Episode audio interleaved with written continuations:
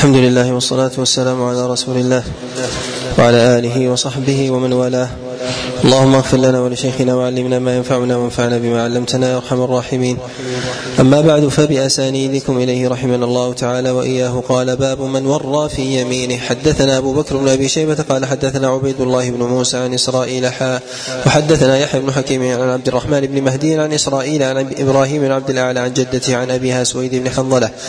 قال خرجنا نريد رسول الله صلى الله عليه وسلم ومعنا وائل بن حجر فأخذه عدو له فتحرج الناس أن يحلفوا فحلف فحلفت أنا إنه أخي فخلى سبيله فأتينا رسول الله صلى الله عليه وسلم فأخبرته.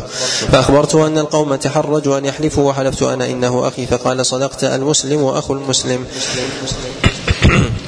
حدثنا أبو بكر بن أبي شيبة قال حدثنا يزيد بن هارون قال اخبرنا هشيم عن عباد بن أبي صالح عن ابيه عن أبي هريرة أن قال قال رسول الله صلى الله عليه وسلم إنما اليمين على نية المستحلف. حدثنا عمرو بن رافع قال حدثنا هشيم قال أخبرنا عبد الله بن أبي صالح عن أبيه عن أبي هريرة قال قال رسول الله صلى الله عليه وسلم يمينك على ما يصدقك به صاحبك. بسم الله الرحمن الرحيم. وهذا هو الأصل. أن الإنسان في قوله وفي يمينه على ما يصدقه به صاحبه. هذا هو الأصل كان في ذلك مصلحة أو لم يكن فيها فيها مصلحة لأن هذا هو الصدق وما عداه وما عداه الكذب. ولكن إذا كان في ذلك ضرر على الإنسان ولا حق للمستحلف باليمين. وكذلك أيضا في الكلام لا حق لي للإنسان باستنطاق الإنسان بأمر ولا يفوت له مصلحة في ذلك فله أن يوري إذا تضرر من من الصدق. إذا تضرر من الصدق ولا يفوت لغيره حقا. وهذا كذلك أيضا كما أنه في الكلام العام كذلك أيضا في اليمين. كذلك أيضا في اليمين وروي في ذلك عن النبي عليه الصلاة والسلام وكذلك أيضا عن بعض الصحابة شيئا. أحسن الله إليكم باب النهي عن النذر. حدثنا علي بن محمد قال حدثنا وكيع عن سفيان عن منصور عن عبد الله بن مرة عن عبد الله بن عمر قال نهى رسول الله صلى الله عليه وسلم عن النذر وقال إنما يستخرج به من اللئيم. حدثنا أحمد بن يوسف قال حدثنا عبيد الله عن سفيان عن أبي الزناد عن الأعرج عن أبي هريرة قال قال رسول الله صلى الله عليه وسلم إن النذر لا يأتي ابن آدم بشيء إلا ما قدر له ولكن يغلبه القدر. ما قدر له فيستخرج به من البخيل فييسر عليه ما لم يكن ييسر عليه من قبل ذلك. وقد قال الله أنفق أنفق عليك. والمراد بهذا أنه يستخرج به من اللئيم والبخيل يعني أن الإنسان لا يستطيع أن يخرج صدقته إلا باليمين. فينذر أن يخرج مال كذا أو يتصدق بكذا أو يتعبد الله كذا. ولكن الكريم الذي يخرج من غير من غير تأكيد من غير أن يؤكد عليه أو يلزم نفسه بيمين أو أن يقف عليه رقيب. فيتصدق وينفق ويصلي ويتعبد لله عز وجل من غير من غير نذر. وذلك أنه لا يليق بمقام الله سبحانه وتعالى أن الإنسان لا يتعبد لله إلا إلا بنذر فكأنه يدفع نفسه إلى عبادة الله عز وجل دفعا. ولهذا كان الأصل في النذر الكراهة. كان الأصل في النذر الكراهة. وإذا نذر الإنسان فيجب عليه في ذلك الوفاء. تعظيما تعظيما للنذر ولمن نذر الإنسان به. نعم. الله عليكم باب النذر في المعصية. حدثنا سهل بن أبي سهل قال حدثنا سفيان بن عيينة قال حدثنا أيوب عن أبي قلابة عن عمه عن عمران بن الحصين قال قال رسول الله صلى الله عليه وسلم لا نذر في معصية ولا نذر فيما لا يملك ابن آدم آدم آدم. حدثنا أحمد بن عمرو بن سرح المصري وأبو طاهر قال حدثنا ابن وهب قال أخبرنا يونس عن شهاب عن أبي سلمة عن عائشة أن رسول الله صلى الله عليه وسلم قال لا نذر في معصية وكفارته كفاره يمين. حدثنا أبو بكر بن أبي شيبة قال حدثنا أبو أسامة عن عبيد الله عن طلحة بن عبد الملك عن القاسم بن محمد عن عائشة قالت قال رسول الله صلى الله عليه وسلم من نذر أن يطيع الله فليطعه ومن نذر أن يعصي الله فلا يعصه. باب من نذر نذرا ولم يسمه. حدثنا علي بن محمد قال حدثنا وكيع قال حدثنا إسماعيل بن رافع عن خالد بن يزيد عن عقبة بن عامر الجهني قال قال رسول الله صلى الله عليه وسلم من نذر نذرا ولم يسمه فكفارته كفارة يمين. حدثنا هشام بن عمار قال حدثنا عبد الملك بن محمد الصنعاني وقال حدثنا خارجة بن مصعب عن بكير بن عبد الله بن اشج عن كريب عن ابن عباس عن النبي صلى الله عليه وسلم أنه قال من نذر نذرا ولم يسميه فكفارة كفارة يمين ومن نذر نذرا لم يطقه فكفارة كفارة يمين ومن نذر نذرا أطاقه فليفي به. باب الوفاء بالنذر. حدثنا أبو بكر بن أبي شيبة قال حدثنا حفص بن غياث عن عبيد الله بن عمر عن نافع عن ابن عمر عن عمر بن الخطاب قال نذرت نذرا في الجاهلية فسألت النبي صلى الله عليه وسلم بعدما أسلمت فأمرني أن أوفي بنذري. حدثنا محمد بن يحيى وعبد الله بن إسحاق الجوهري قال حدثنا عبد الله بن رجاء قال أخبرنا المسعودي عن حبيب بن أبي ثابت عن سعيد بن جبير عن ابن عباس أن رجلا وهذا دليل على أن الأعمال التي يفعلها الإنسان في الجاهلية وهو خالص لله عز وجل فيها أنها تتقبل تتقبل عنه. كذلك أيضا فإنها تنعقد سواء الأيمان أو كذلك البيوع أو الأنكحة. وهذه ما كانت منصرفة لله سبحانه وتعالى أو كانت هذه النذور أو الإيمان أو العقود غير معقودة على حرام. وذلك كالذي يعقد مثلا مستقسما بالأزلام والأنصاب أو غير ذلك فهذا فهذا من الباطل فهذا من الباطل. ولهذا يقول النبي عليه الصلاة والسلام أسلمت على ما أسلفت من خير يعني يكتب لك الأجر قبل قبل ذلك. ولهذا الإنسان إذا كان في زمن الشرك نقول إذا كان الإنسان مشركا عمله بعد إسلامه على نوعين. بعد إسلامه على على نوعين. ما فعله قبل الإسلام وهو مخلص لله لأن المشركين لا يشركون دائما في كل الأعمال ولا وجد في قلوبهم الشرك. فيشركون في بعض الأعمال ويوحدون في بعضها ولا ينفي عنهم ذلك الشرك. فإذا أسلموا ما فعلوه خالصا لله عز وجل زمن شركهم يكون مقبولا يكون مقبولا كالذي يتصدق وينفق ويعتق وغير ذلك. وإذا فعل ذلك لآلهته فأنفق اموالا طائلة للآلهة أو لغير الله فذلك لا يتقبله الله جل وعلا لأنه لأنه شرك. والنبي والله جل وعلا يقول كما جاء في الصحيح في الحديث القدسي قال أنا أغنى الشركاء عن الشرك من أشرك معي غيري تركته وشركه. نعم. أحسن الله اليكم حدثنا محمد بن يحيى وعبد الله بن إسحاق الجوهري قال حدثنا عبد الله بن رجاء قال أخبرنا المسعودي عن حبيب بن أبي ثابت عن سعيد بن جبير عن ابن عباس أن رجلا جاء إلى النبي صلى الله عليه وسلم فقال يا رسول الله إني نذرت أن أنحر ببوانه فقال في نفسك شيء من أمر الجاهلية؟ قال لا. قال أوفي بنذرك.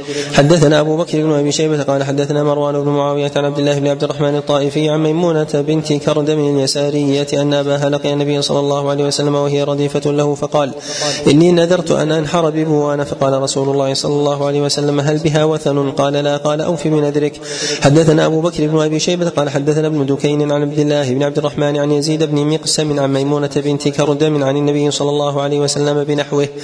باب من مات وعليه في هذا أن مشابهة المنكر منكر ولو كان العمل حقا.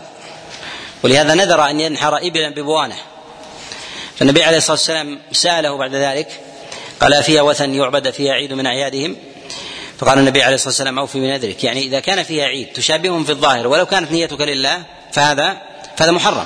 فهذا محرم. كالذي يأتي مثلا إلى صنم أو وثن ويعلم أنه يعبد من دون الله فأراد أن يتخذه سترة فهذا لا يجوز. كذلك أيضا الذي يشابه الناس في ظاهرهم في الأفعال في أي نوع من أنواع المشابهة فيحسب عليهم عدا. ولو كان قلبه متوجها لله جل وعلا. ولهذا نقول إن المشابهة في الظاهر محرمة لعمل الباطن. محرمة لي لعمل لعمل الباطن. نعم. أحسن الله إليكم. باب من مات وعليه نذر. حدثنا محمد بن روح قال أخبرنا الليث بن سعد عن ابن شهاب عن عبيد الله بن عبد الله عن ابن عباس أن سعد بن عبادة استفتى رسول الله صلى الله عليه وسلم في نذر كان على امي توفيت ولم تقضه. فقال رسول الله صلى الله عليه وسلم اقضه عنها. حدثنا محمد بن يحيى قال حدثنا يحيى بن بكير قال حدثنا ابن لهيعة عن عمرو بن دينار عن جابر بن عبد الله أن امرأة أتت رسول الله صلى الله عليه وسلم فقالت إن أمي توفيت عليها نذر صيام فتوفيت قبل أن تقضيه. فقال رسول الله صلى الله عليه وسلم ليصم عنها الولي. باب من نذر أن يحج ماشيا. حدثنا علي بن محمد قال حدثنا عبد الله بن نمير عن يحيى بن سعيد عن عبيد الله بن زحل عن أبي سعيد الرعيلي عن عبد الله بن مالك أنه اخبر أن عقبة بن عامر أخبره أن أخته نذرت أن تمشي حافية غير مختمرة وأنه ذكر ذلك لرسول الله صلى الله عليه وسلم فقال مرها فلتركب ولتختمر ولتصم ثلاثة أيام. حدثنا يعقوب بن حميد بن كاسب قال حدثنا عبد العزيز بن محمد عن عمرو بن أبي عمرو عن الأعرج عن أبي هريرة قال رأى النبي صلى الله عليه وسلم شيخا يمشي بين ابنيه فقال ما شأن هذا؟ قال ابناه نذر يا رسول الله. قال اركب أيها الشيخ فإن الله غني عنك وعن نذرك. باب من خلط في نذره طاعة بمعصية. حدثنا محمد بن قال حدثنا إسحاق بن محمد الفروي قال الفروي قال حدثنا عبد الله بن عمر عن عبيد الله بن عمر عن عطاء بن عباس أن رسول الله صلى الله عليه وسلم مر برجل بمكة وهو قائم في الشمس. فقال ما هذا؟ قالوا نذر أن يصوم ولا يستظل إلى الليل ولا يتكلم ولا يزال قائما. فقال ليتكلم وليستظل وليجلس وليتم صومه. حدثنا الحسين بن محمد بن شيبة أو شنب الواسطي قال حدثنا العطاء العلاء بن عبد الجبار عن عن وهيب عن أيوب عن عكرمة عن ابن عباس عن النبي صلى الله عليه وسلم نحوه والله أعلم. أبواب التجارات باب الحث على المكاسب. حدثنا أبو بكر بن أبي شيبة وعلي بن محمد وإسحاق بن إبراهيم بن حبيب قال حدثنا أبو معاوية قال حدثنا الأعمش عن إبراهيم عن الأسود عن عائشة قالت قال رسول الله صلى الله عليه وسلم إن أطيب ما أكل الرجل من كسبه وإن ولده من كسبه. حدثنا هشام بن عمار قال حدثنا إسماعيل بن عياش عن بحير بن سعد عن خالد بن معدان عن المقدام بن عدي كرب الزبيدي عن رسول الله صلى الله عليه وسلم قال ما كسب الرجل كسبا أطيب من عمل يده وما أنفق الرجل على نفسه وأهله وولده وخادمه فهو صدقة. حدثنا أحمد بن سنان قال حدثنا كثير بن هشام قال حدثنا كلثوم بن جوشن القشيري عن أيوب عن نافع عن ابن عمر قال قال رسول الله صلى الله عليه وسلم التاجر الأمين الصدوق المسلم مع الشهداء يوم القيامة. حدثنا يعقوب بن حميد وإنما عظم أمر التاجر الأمين الصادق باعتبار أن التاجر يحتاج إلى إلى الوعد وذلك أنه يتعامل مع الناس في يومه وليلته إلى الوعد وكذلك الوفاء به. فربما أخل بمصالح الناس فيغلب عليه يغلب على التجار الكذب ولهذا يروى في الخبر قال أكذب الناس الصواغون والصباغون.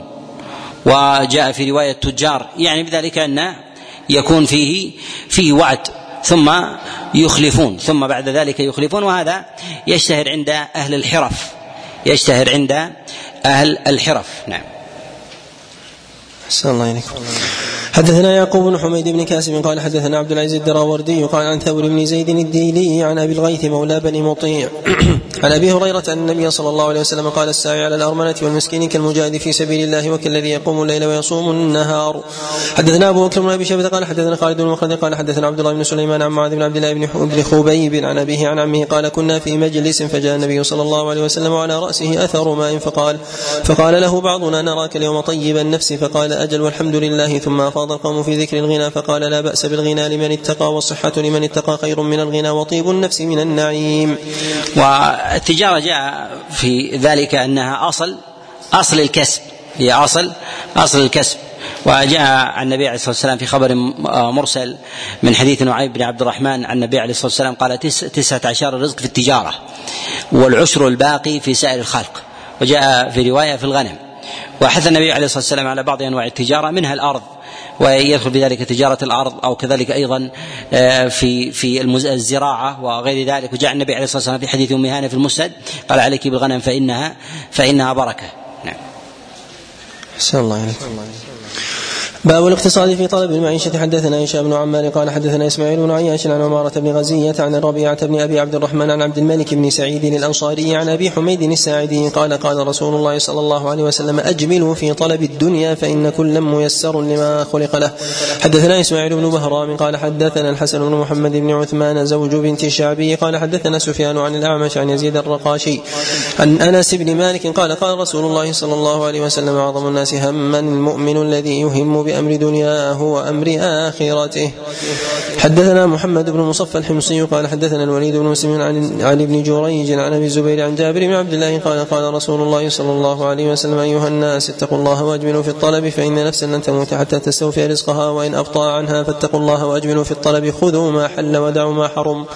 باب التوقي في التجارة في التجارة. حدثنا محمد بن عبد الله بن نمير قال حدثنا أبو معاوية عن الأعمش عن شقيق عن قيس بن أبي غرزه قال كنا نسمى في عهد رسول الله صلى الله عليه وسلم السماسرة. فمر بنا رسول الله صلى الله عليه وسلم فسمانا باسم هو أحسن منه فقال يا معشر التجار إن البيع يحضره الحلف واللغو فشوبوه بالصدقة. قد روى عبد الرزاق بن مصنع من حديث قتادة والحسن مرسلا أن النبي عليه الصلاة والسلام قال إن شئتم أقسمت أن التاجر فاجر. يعني لما يغلب عليه من اليمين وكذلك أيضا بالقسم وكذلك أيضا بأكل أموال الناس ربما شعر أو لم أو لم يشعر.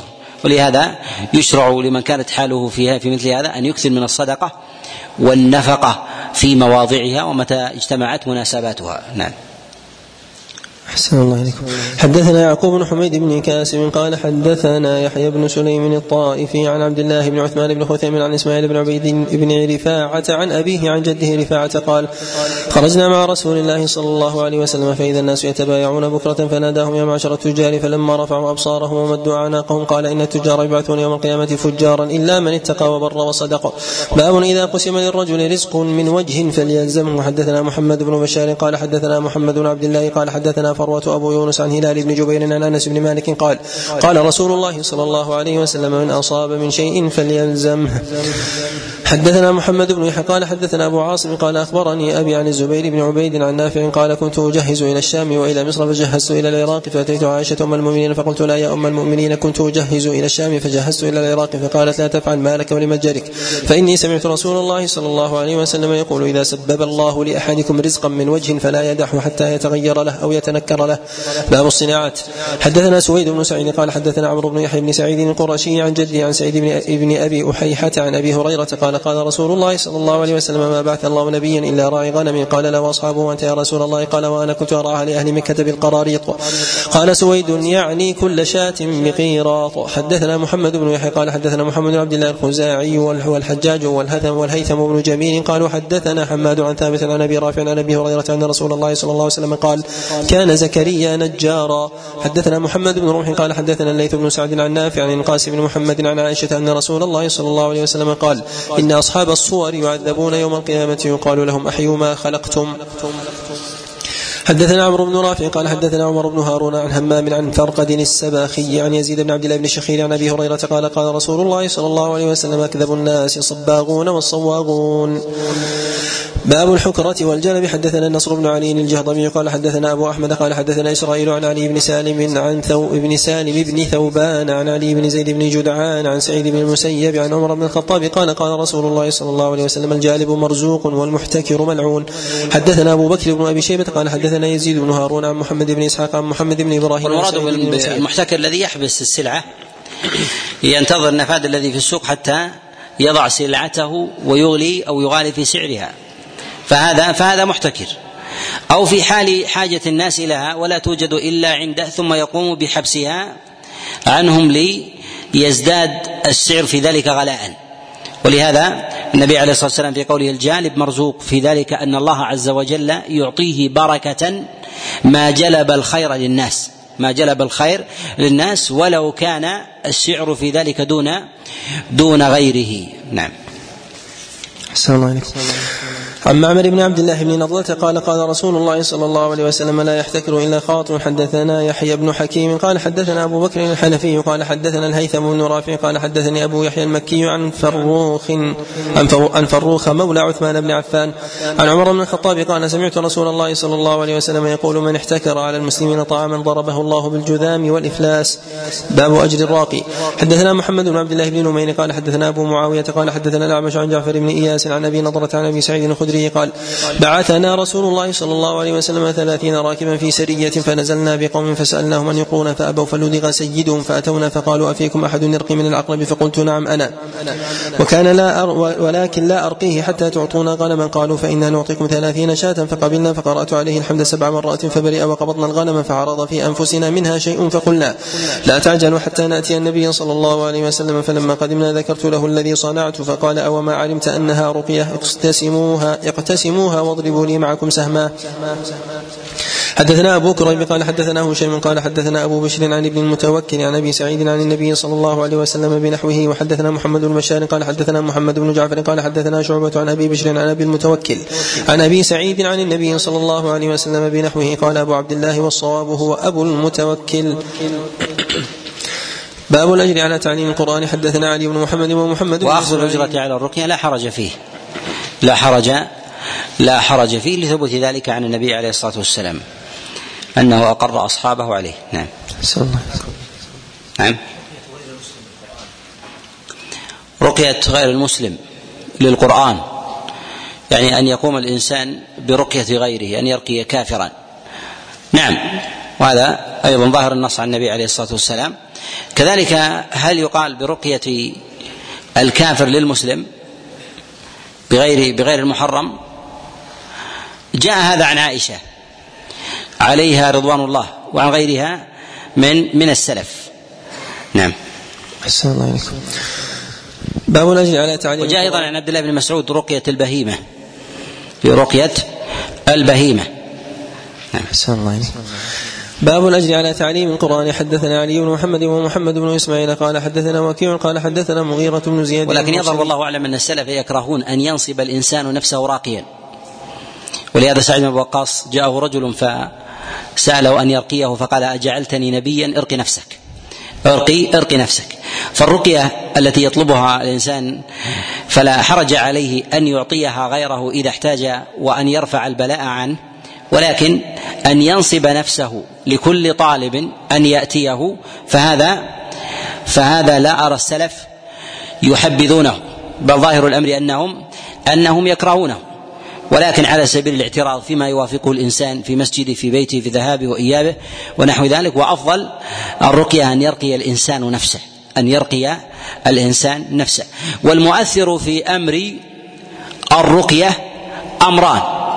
الأمر الأول هو الآي المقروء وذلك أنه ثبت عن النبي عليه الصلاة والسلام اختيار بعض آي للرقية كما في الفاتحة وفي الكرسي والمعوذات وقل هو الله أحد وغيره. الثاني هو صدق الراقي وبركته والناس يتباينون في ذلك وكل وكلا الأمرين متعلقة بالله سبحانه سبحانه وتعالى.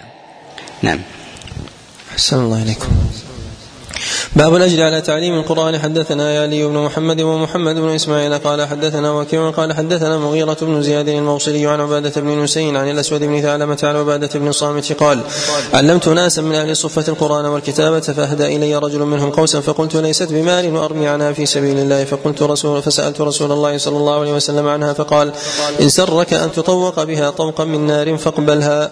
حدثنا سهل بن أبي سهل قال حدثنا يحيى بن سعيد عن ثور بن يزيد قال حدثني عبد الرحمن بن سلم عن عطية الكلاعي عن أبي بن كعب قال علمت رجلا القرآن. فأهدى إلي قوسا فذكرت ذلك لرسول الله صلى الله عليه وسلم فقال إن أخذت أخذت قوسا من نار فرددتها. ولا يثبت عن النبي عليه الصلاة والسلام من الأحاديث أنه منع وحرم أخذ الأجرة على الرقية. ولهذا البخاري ومسلم في صحيحيهما لم يخرج شيئا من ذلك وما تنكبه إلا إلا لعلة ظاهرة فيه. نعم. أحسن الله إليكم. باب النهي عن ثمن الكلب ومهل البغي وحلوان الكاهن وعسب الفحل. حدثنا هشام بن عمار ومحمد بن صباح. نعم. حدثنا هشام بن عمار ومحمد بن صباح قال حدثنا سفيان بن عيينة عن الزهري عن أبي بكر بن عبد الرحمن عن أبي مسعود أن النبي صلى الله عليه وسلم نهى عن ثمن الكلب ومهر البغي وحلوان الكاهن. حدثنا علي بن محمد ومحمد بن طريف قال حدثنا محمد بن فضيل قال حدثنا الأعمش عن أبي حازم عن أبي هريرة قال نهى رسول الله صلى الله عليه وسلم عن ثمن الكلب وعسب الفحل. حدثنا هشام بن عمار قال حدثنا الوليد بن مسلم قال أخبرنا ابن لهيعة عن أبي الزبير عن جابر قال نهى رسول الله صلى الله عليه وسلم عن ثمن السنور. باب كسب الحجام. حدثنا محمد بن أبي عمر العدني قال حدثنا سفيان بن عيينة عن ابن طاووس عن ابي عن ابن عباس المراد والمراد بالسنور هو الهرة. هو الهرة واختلف العلماء في ثمنها واختلف العلماء في ثمنها وبيعها. هل تلحق في السباع بالكلب أم لا؟ وجاء النبي عليه الصلاة والسلام في صحيح مسلم النهي النهي عنها. وجاء أيضا عن بعض السلف الإذن بذلك أما قنيتها فتجوز قنيتها بخلاف الكلب. بخلاف الكلب. وذلك أنه قد ثبت هذا عن غير واحد من السلف سواء من الصحابة والتابعين. أحسن الله عليك.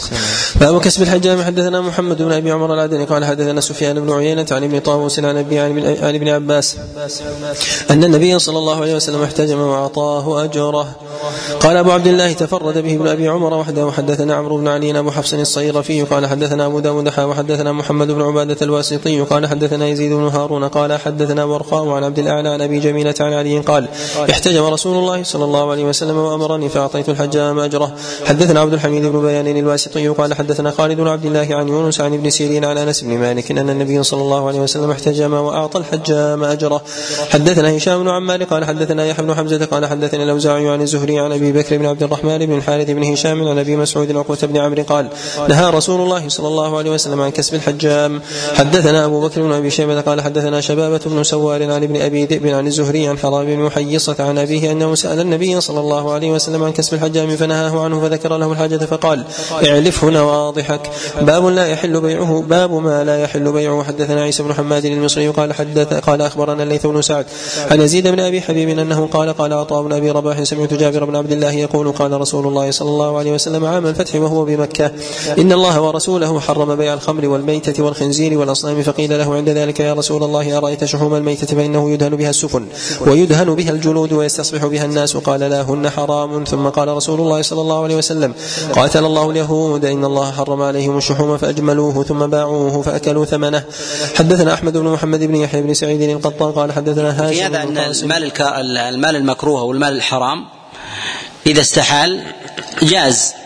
ولهذا يطعمه نواضحه و ثم يستحيل في النواضح. ويستفيد الإنسان منها أو يطعمه البهيمة من بهائمه مما يطعمها ثم يستحيل فيها لحما ثم يقوم بأكله ثم يقوم بأكله ولهذا نقول إذا استحال جاز للإنسان جاز للإنسان أن يأكله نعم. الله عليكم. حدثنا أحمد بن محمد بن يحيى بن سعيد القطان قال حدثنا هاشم بن القاسم قال حدثنا أبو جعفر الرازي عن عن عاصم عن أبي المهلب عن عبيد الله الإفريقي عن أبي أمامة قال نهى رسول الله صلى الله عليه وسلم عن بيع المغنيات وعن شرائهن وعن كسبهن وعن أكل أثمانهن. باب النهي عن المنابذة والملامسة. حدثنا أبو بكر بن أبي شيبة قال حدثنا عبد الله بن نمير وأبو أسامة عن عبيد الله بن عمر عن خبيب بن عبد الرحمن عن حفص بن عاصم عن أبي هريرة قال نهى رسول الله صلى الله عليه وسلم عن بيعتين عن الملامسة والمنابذة. المنابذة حدثنا أبو بكر بن أبي شيبة وسهل بن أبي سهل قال حدثنا سفيان بن عيينة عن الزهري عن عطاء بن يزيد الليثي عن أبي سعيد الخدري أن رسول الله صلى الله عليه وسلم نهى عن الملامسة والمنابذة. زاد سهل قال سفيان الملامسة أن يلمس أن يلمس الرجل الشيء بيده ولا يراه والمنابذة أن يقول ألقي إلي ما معك وألقي إليك ما معي.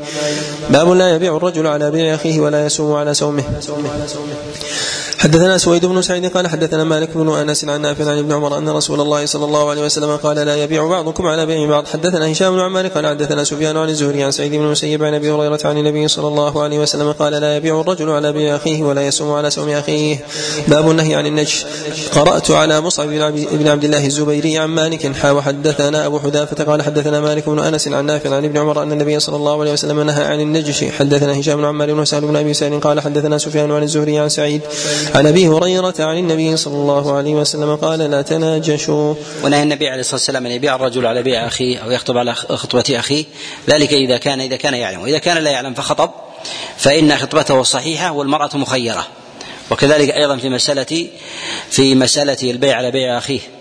فإذا كان لا يعلم فإنه لا حرج عليه. وحينئذ يكون البائع بالخيار بالاختيار بين بين السعرين. نعم. أحسن الله عليكم. باب النهي عن ابي حاضر لبعد حدثنا أبو بكر بن أبي شيبة قال حدثنا سفيان بن عيينة عن الزهري عن سعيد بن المسيب عن أبي هريرة أن رسول الله صلى الله عليه وسلم قال لا يبيع حاضر لباد حدثنا هشام بن عمار قال حدثنا سفيان بن عيينة عن أبي الزبير عن جابر بن عبد الله أن النبي صلى الله عليه وسلم قال لا يبيع حاضر لا يبيع لباد حاضر لباد يعني إذا كان حاضرا البادي حاضر. وما إذا كان غائبا فيجوز توكيله. يجوز توكيله. ويجوز توكيله أيضا إذا كان حاضرا معه وهو يرى ويرى ويسمع. وقد اتفق العلماء عليهم رحمة الله تعالى على جواز توكيل البادل الحاضر من جهة الوكالة مع حضوره وأن الأمر بيده. أو إذا كان غائبا. وقد حكى اتفاق السلف على هذا غير واحد من العلماء كابن بطال رحمه الله. نعم. أحسن الله إليكم عن جابر بن عبد الله أن النبي صلى الله عليه وسلم قال لا يبيع حاضر لباد دعوا الناس يرزق الله بعضهم من بعض. حدثنا العباس بن عبد العظيم العنبري قال حدثنا عبد الرزاق قال أخبرنا معمر عن ابن طاووس عن أبي عن ابن عباس قال لنا رسول الله صلى الله عليه وسلم أن يبيع حاضر لباد قلت لابن عباس ما قوله حاضر لباد قال لا يكون له سمسارا باب النهي عن تلقي الجلب. حدثنا أبو بكر بن أبي شيبة وعلي بن محمد قال حدثنا أبو أسامة عن هشام بن حسان عن محمد بن سيرين عن أبي هريرة عن النبي صلى الله عليه وسلم قال لا تلقوا الأجلاب فمن تلقى منه شيئا فاشترى فصاحبه بالخيار إذا أتى السوق. حدثنا عثمان بن أبي شيبة قال حدثنا عبد بن والمراد بالنهي بالتلقي أن يتلقاه ليشتري منه قبل أن يصل إلى السوق. قبل أن يصل إلى السوق. فيتلقاه فتنعقد الصفقة قبل قبل السوق هذا هو المنهي, المنهي عنه واذا اشترى منه وجاء بالسوق فهو بالخيار. وقد جاء هذا عن أبي هريرة عليه رضوان الله تعالى ولا مخالف له. ولكن لو أنه استقبله وجاء معه إلى السوق وجاء معه إلى إلى السوق فهذا حينئذ يقول هو هي مسألة مسألة أخرى تختلف عن عن نهي النبي عليه الصلاة والسلام في بيع حاضر نعم. أحسن الله عليكم. لا تلقوا الاجلاب فمن تلقى منه شيء فاشترى فصاحبه بخير إذا أتى السوق. حدثنا عثمان بن أبي شيبة قال حدثنا عبدة بن سليمان عن عبيد الله بن عمر عن نافع عن ابن عمر قال نهى رسول الله صلى الله عليه وسلم عن تلقي الجلب. حدثنا يحيى بن حكيم قال حدثنا يحيى بن سعيد وحماد بن مسعدة عن سليمان التيمي وحدثنا إسحاق بن إبراهيم بن حبيب بن الشهيد قال حدثنا معتمر بن سليمان قال سمعت أبي يقول حدثنا أبو عثمان النهدي عن عبد الله بن مسعود قال نهى رسول الله صلى الله عليه وسلم عن تلقي البيوع. باب البيعان بالخيار ما لم يتفرقا. حدثنا محمد بن روح بن المصري قال أخبرنا الليث بن سعد عن نافع عن عبد الله بن عمر قال رسول الله صلى الله عليه وسلم قال إذا تبايع الرجلان فكل واحد منهما بالخيار ما لم يتفرقا وكان جميعا. أو يخير أحدهما الآخر فإن فان فإن خير أحدهما الآخر فتبايع على ذلك فقد وجب البيع وإن تفرقا بعد أن تبايع ولم يترك واحد منهما البيع فقد وجب البيع. حدثنا أحمد بن عبدة وأحمد بن المقدام قال حدثنا حماد بن زيد عن جميل بن مرة عن أبي الوضيء عن أبي برزة الأسلمي قال قال رسول الله صلى الله عليه وسلم البيعان بالخيار ما لم يتفرقا. حدثنا محمد بن يحيى وإسحاق بن منصور قال حدثنا عبد الصمد قال حدثنا شعبة عن قتادة عن الحسن عن سمرة قال قال رسول الله صلى الله عليه وسلم البيعان بالخيار ما لم يتفرقا. باب بيع الخيار. حدثنا حرملة بن يحيى وأحمد بن عيسى المصريان قال حدثنا عبد الله بن وهب قال أخبرني ابن جريج عن أبي زبير عن جابر بن عبد الله قال اشترى رسول الله صلى الله عليه وسلم من رجل من, من رجل من الأعراب حمل خبط فلما وجب البيع قال رسول الله صلى الله عليه وسلم اختر. فقال الأعرابي عمرك الله بيعا. حدثنا العباس بن الوليد الدمشقي قال حدثنا مروان بن محمد قال حدثنا عبد العزيز بن محمد عن داود بن صالح المديني عن أبيه قال سمعت أبا سعيد الخدري يقول قال رسول الله صلى الله عليه وسلم إنما البيع عن تراض. باب البيع أن يختلف والبيع الذي يكون عن إكراه أو يكون عن استغلال سيف الحياة في الإنسان فهذا ليس بنافذ ليس بنافذ. فما يأخذه الإنسان من أخيه في ظاهره صورة البيع ولكنه بإكراه. أو بسيف الحياة. فيأتي إلى شخص أمام الناس ليحرجه. فيس فيبيع منه ويبتاع منه سلعة حياء. فهذا بإجماع العلماء على أنه باطل. أن ما أخذ بسيف الحياء فهو فهو باطل. وذلك لأن الحياء له أثر على الإنسان. لا يستطيع أن يدفع ولو أنفس المال أنفس المال عمن طلبه إذا أخذ باستدعاء سيف سيف الحياء والشاره نعم. أحسن الله إليكم. باب البيعان يختلفان. حدثنا عثمان بن أبي شيبة ومحمد بن الصباح قال حدثنا هشام قال أخبرنا ابن أبي ليلى عن القاسم بن عبد الرحمن عن أبي أن عبد الله بن مسعود باع من الأشعث بن قيس رقيقا من رقيق الإمارة فاختلفا في الثمن فقال ابن مسعود بعتك بعشرين ألفا وقال الأشعث بن قيس إنما اشتريت منك بعشرة آلاف فقال عبد الله إن شئت حدثتك بحديث سمعت من رسول الله صلى الله عليه وسلم. قال هاته. قال فإني سمعت رسول الله صلى الله عليه وسلم يقول إذا اختلف البيعان وليس بينهما بينة والبيع قائم بعينه فالقول ما قال البائع أو يترادان البيع قال فإني أرى أن أرد البيع فرده. باب النهي عن بيع ما ليس عندك مع ربح ما لم يضمن. حدثنا محمد بن مشان قال حدثنا محمد بن جعفر قال حدثنا شعبة عن أبي بشر قال سمعت يوسف بن ماهك يحدث عن حكيم بن حزام قال قلت يا رسول الله الرجل يسألني البيع وليس عندي أفأبيعه قال لا تبع ما ليس عندك.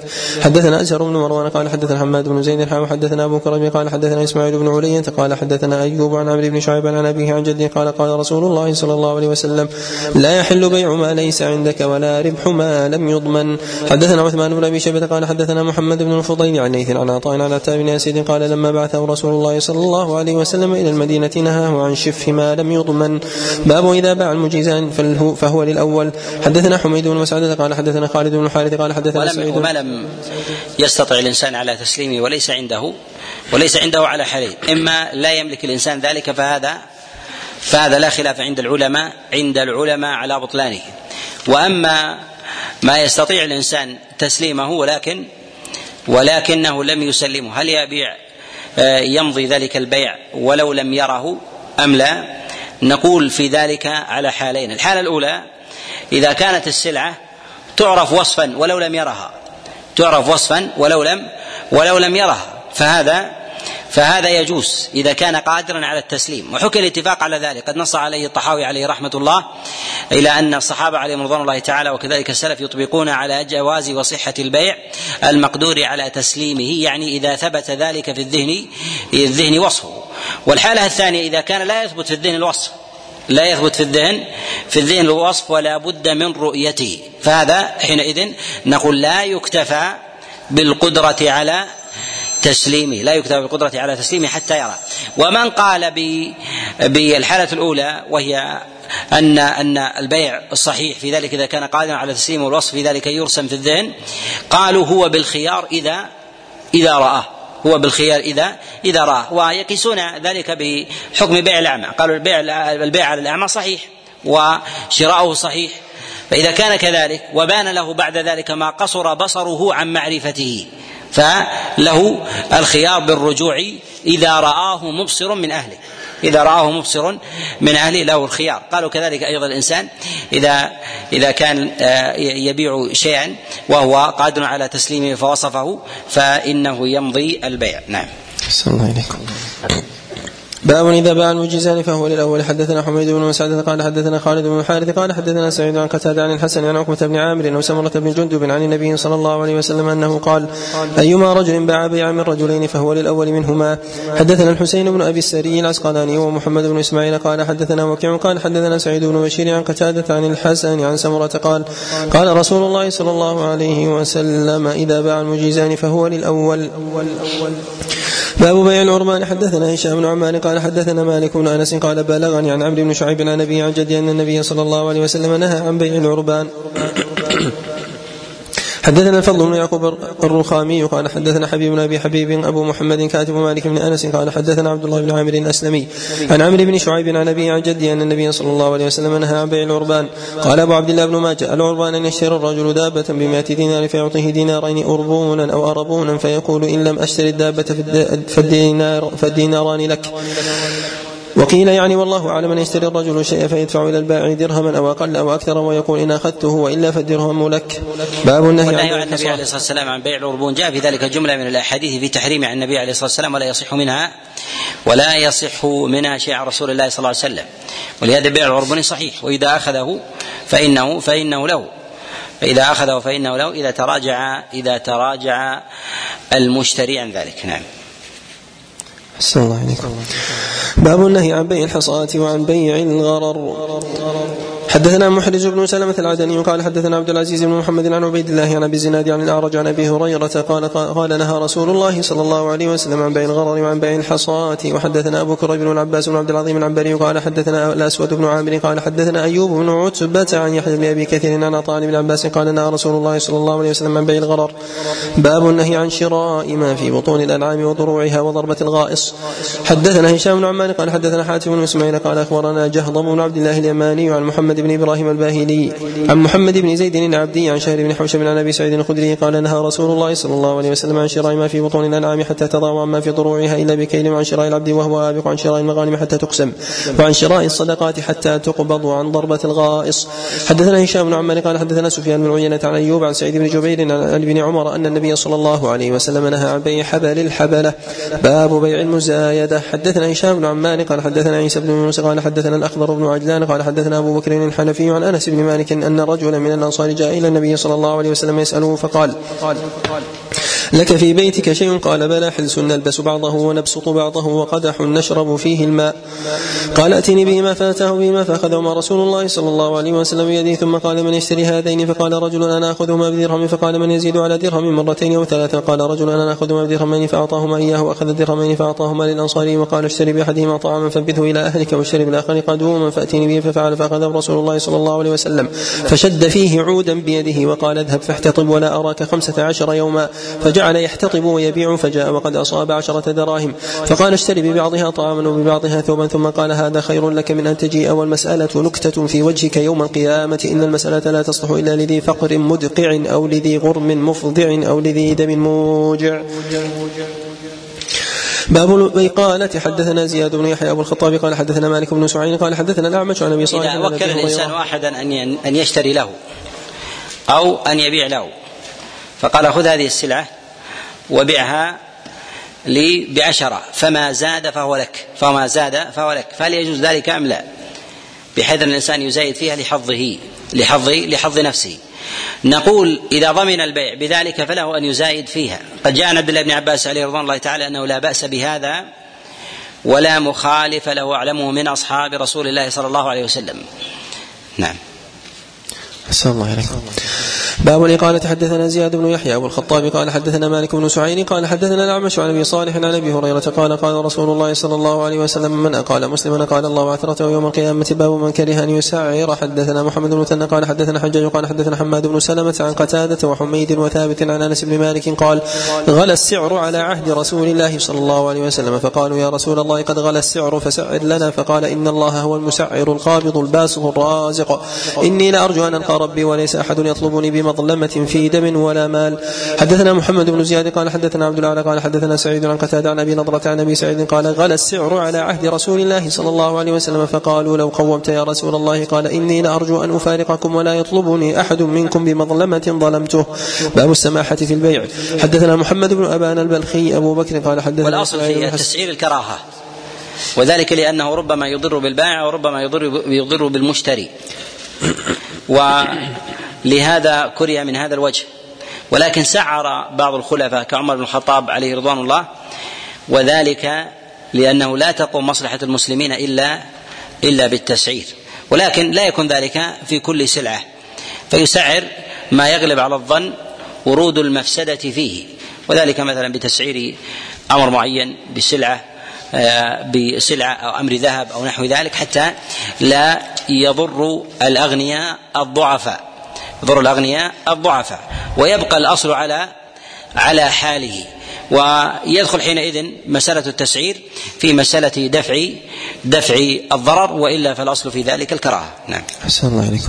باب السماحة في البيع حدثنا محمد بن ابان البخي وأبو بكر قال حدثنا إسماعيل بن علية عن يونس بن عبيد عن عطاء بن فروخ قال قال عثمان بن عفان قال رسول الله صلى الله عليه وسلم أدخل الله الجنة رجلا كان سهلا بائعا ومشتريا.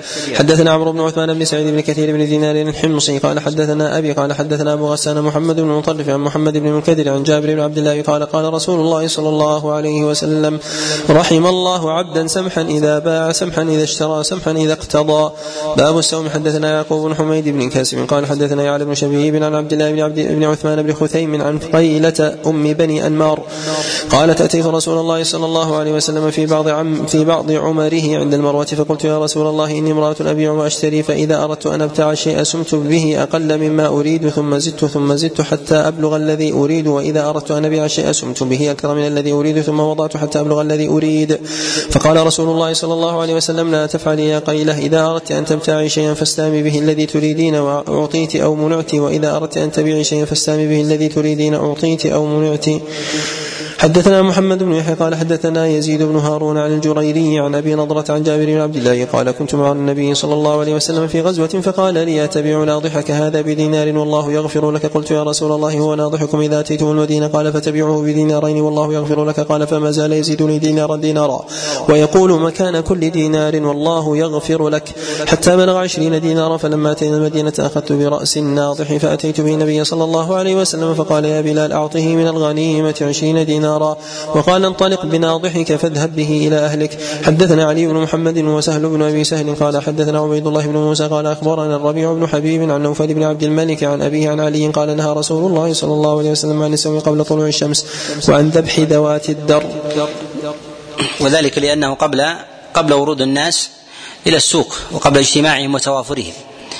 قبل اجتماعهم وقبل وقبل توافرهم. نعم. أحسن الله عليك باب الكرا... باب كراهية الأيمان في الشراء والبيع. حدثنا أبو بكر بن أبي شيبة وعلي بن محمد وأحمد بن سنان قالوا حدثنا أبو معاوية عن الأعمش عن أبي صالح عن أبي هريرة قال قال رسول الله صلى الله عليه وسلم ثلاثة لا يكلمهم الله عز وجل يوم القيامة ولا ينظر إليهم ولا يزكيهم ولهم عذاب أليم. رجل على فضل مات على فضل ماء بالفلاة يمنعه ابن السبيل ورجل بايع رجلا سلعة بعد العصر فحلف بالله لأخذها بكذا وكذا فصدقه وهو على غير ذلك. ورجل بايع إماما لا يبايعه إلا لدنيا فإن أعطاه منها وفى له وإن لم يعطه منها لم يفله حدثنا علي بن ولو وجب التسعير. في شيء لوجب تسعير الأراضي اليوم وذلك لشدة المفاسد وضرر الأغنياء على على الضعفاء في ذلك. وذلك أن الإنسان لا يستطيع أن يتخذ دارا ثم ألغي ما كان أصلا في الشريعة وهو إحياء الموات وأن يبتني الإنسان له دارا في أي أرض وغلت في ذلك الأسعار فضر ذلك الضعفاء والفقراء بل ضر من هو أعلى أعلى منه. وذلك لانتفاع طبقة معينة من الناس على هذا على حساب الفقراء. وهذا من آكد أنواع التسعير بل لو وجب التسعير لوجب في مثل في مثل هذه هذه الحال. نعم. أحسن الله إليكم. حدثنا علي بن محمد ومحمد بن إسماعيل قال حدثنا وكيع عن المسعودي عن علي بن مدرك عن خرشة بن الحر عن أبي ذر عن النبي صلى الله عليه وسلم. وحدثنا محمد بن بشار قال حدثنا محمد بن جعفر قال حدثنا شعبة عن علي بن مدرك عن أبي زرعة بن عمرو بن جرير عن خرشة بن الحر عن أبي ذر عن النبي صلى الله عليه وسلم قال ثلاثة لا يكلمهم الله يوم القيامة ولا ينظر إليهم ولا يزكيهم ولهم عذاب أليم. فقلت من هم يا رسول الله؟ فقد خابوا وخسروا.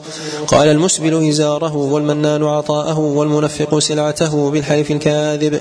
حدثنا يحيى بن خلف قال حدثنا عبد الأعلى وحدثنا هشام بن عمار قال حدثنا إسماعيل بن عياش قال حدثنا محمد بن إسحاق عن معبد بن كعب بن مالك. عن أبي قتادة قال قال رسول الله صلى الله عليه وسلم إياكم والحلف في البيع فإنه ينفق ثم يمحق. باب من باع نخلا مؤبرا أو عبدا له مال. حدثنا هشام بن عمار قال حدثنا مالك بن أنس قال حدثني نافع عن ابن عمر أن النبي صلى الله عليه وسلم قال من اشترى نخلا قد أبرت فثمرتها للبائع إلا أن يشترط المبتاع وفي هذا إشارة إلى أنه ليس العبرة بإنفاق السلعة وإنما ببركة مالها. ولا كذلك أيضا بشرائها وحيازتها وإنما ببركة أثرها على الإنسان. فربما ينفق الإنسان سلعته أو يكسب من ذلك مالا ويكون حينئذ وبالا وبالا عليه. نعم.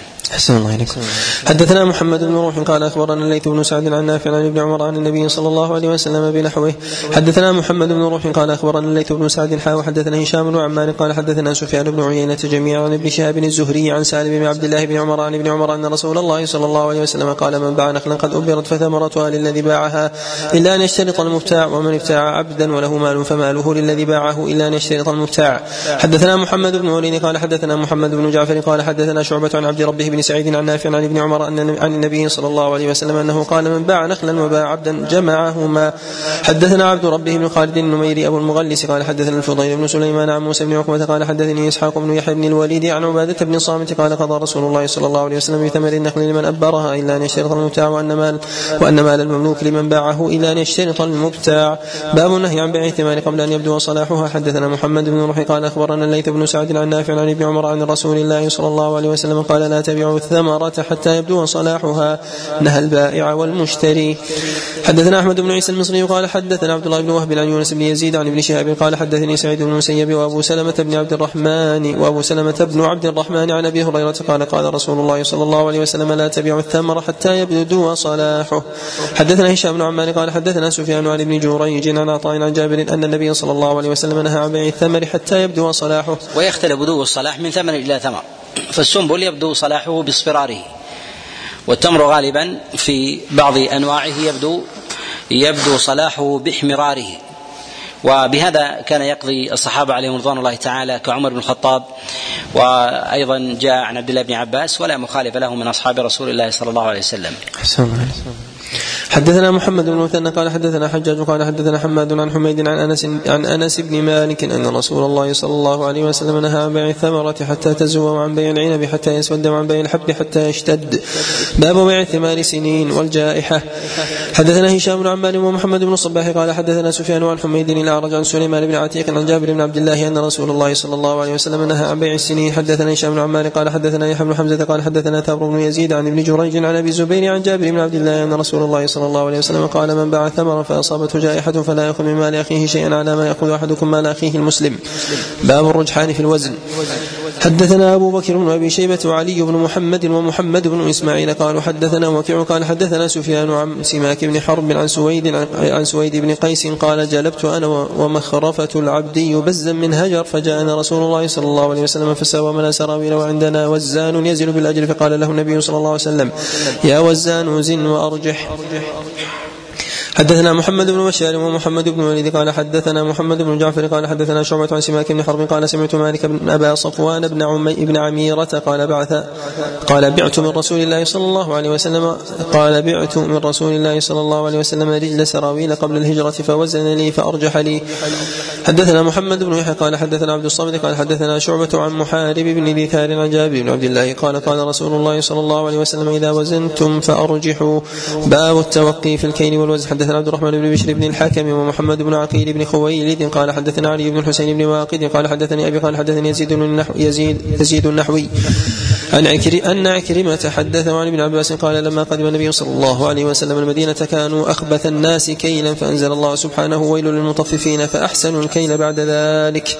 باب النهي عن الغش. حدثنا هشام بن عمار قال حدثنا سفيان عن علاء بن عبد الرحمن عن أبي عن أبي هريرة قال مر رسول الله صلى الله عليه وسلم برجل يبيع طعاما فأدخل يده فيه فإذا هو مغشوش فقال رسول الله صلى الله عليه وسلم ليس منا من غش.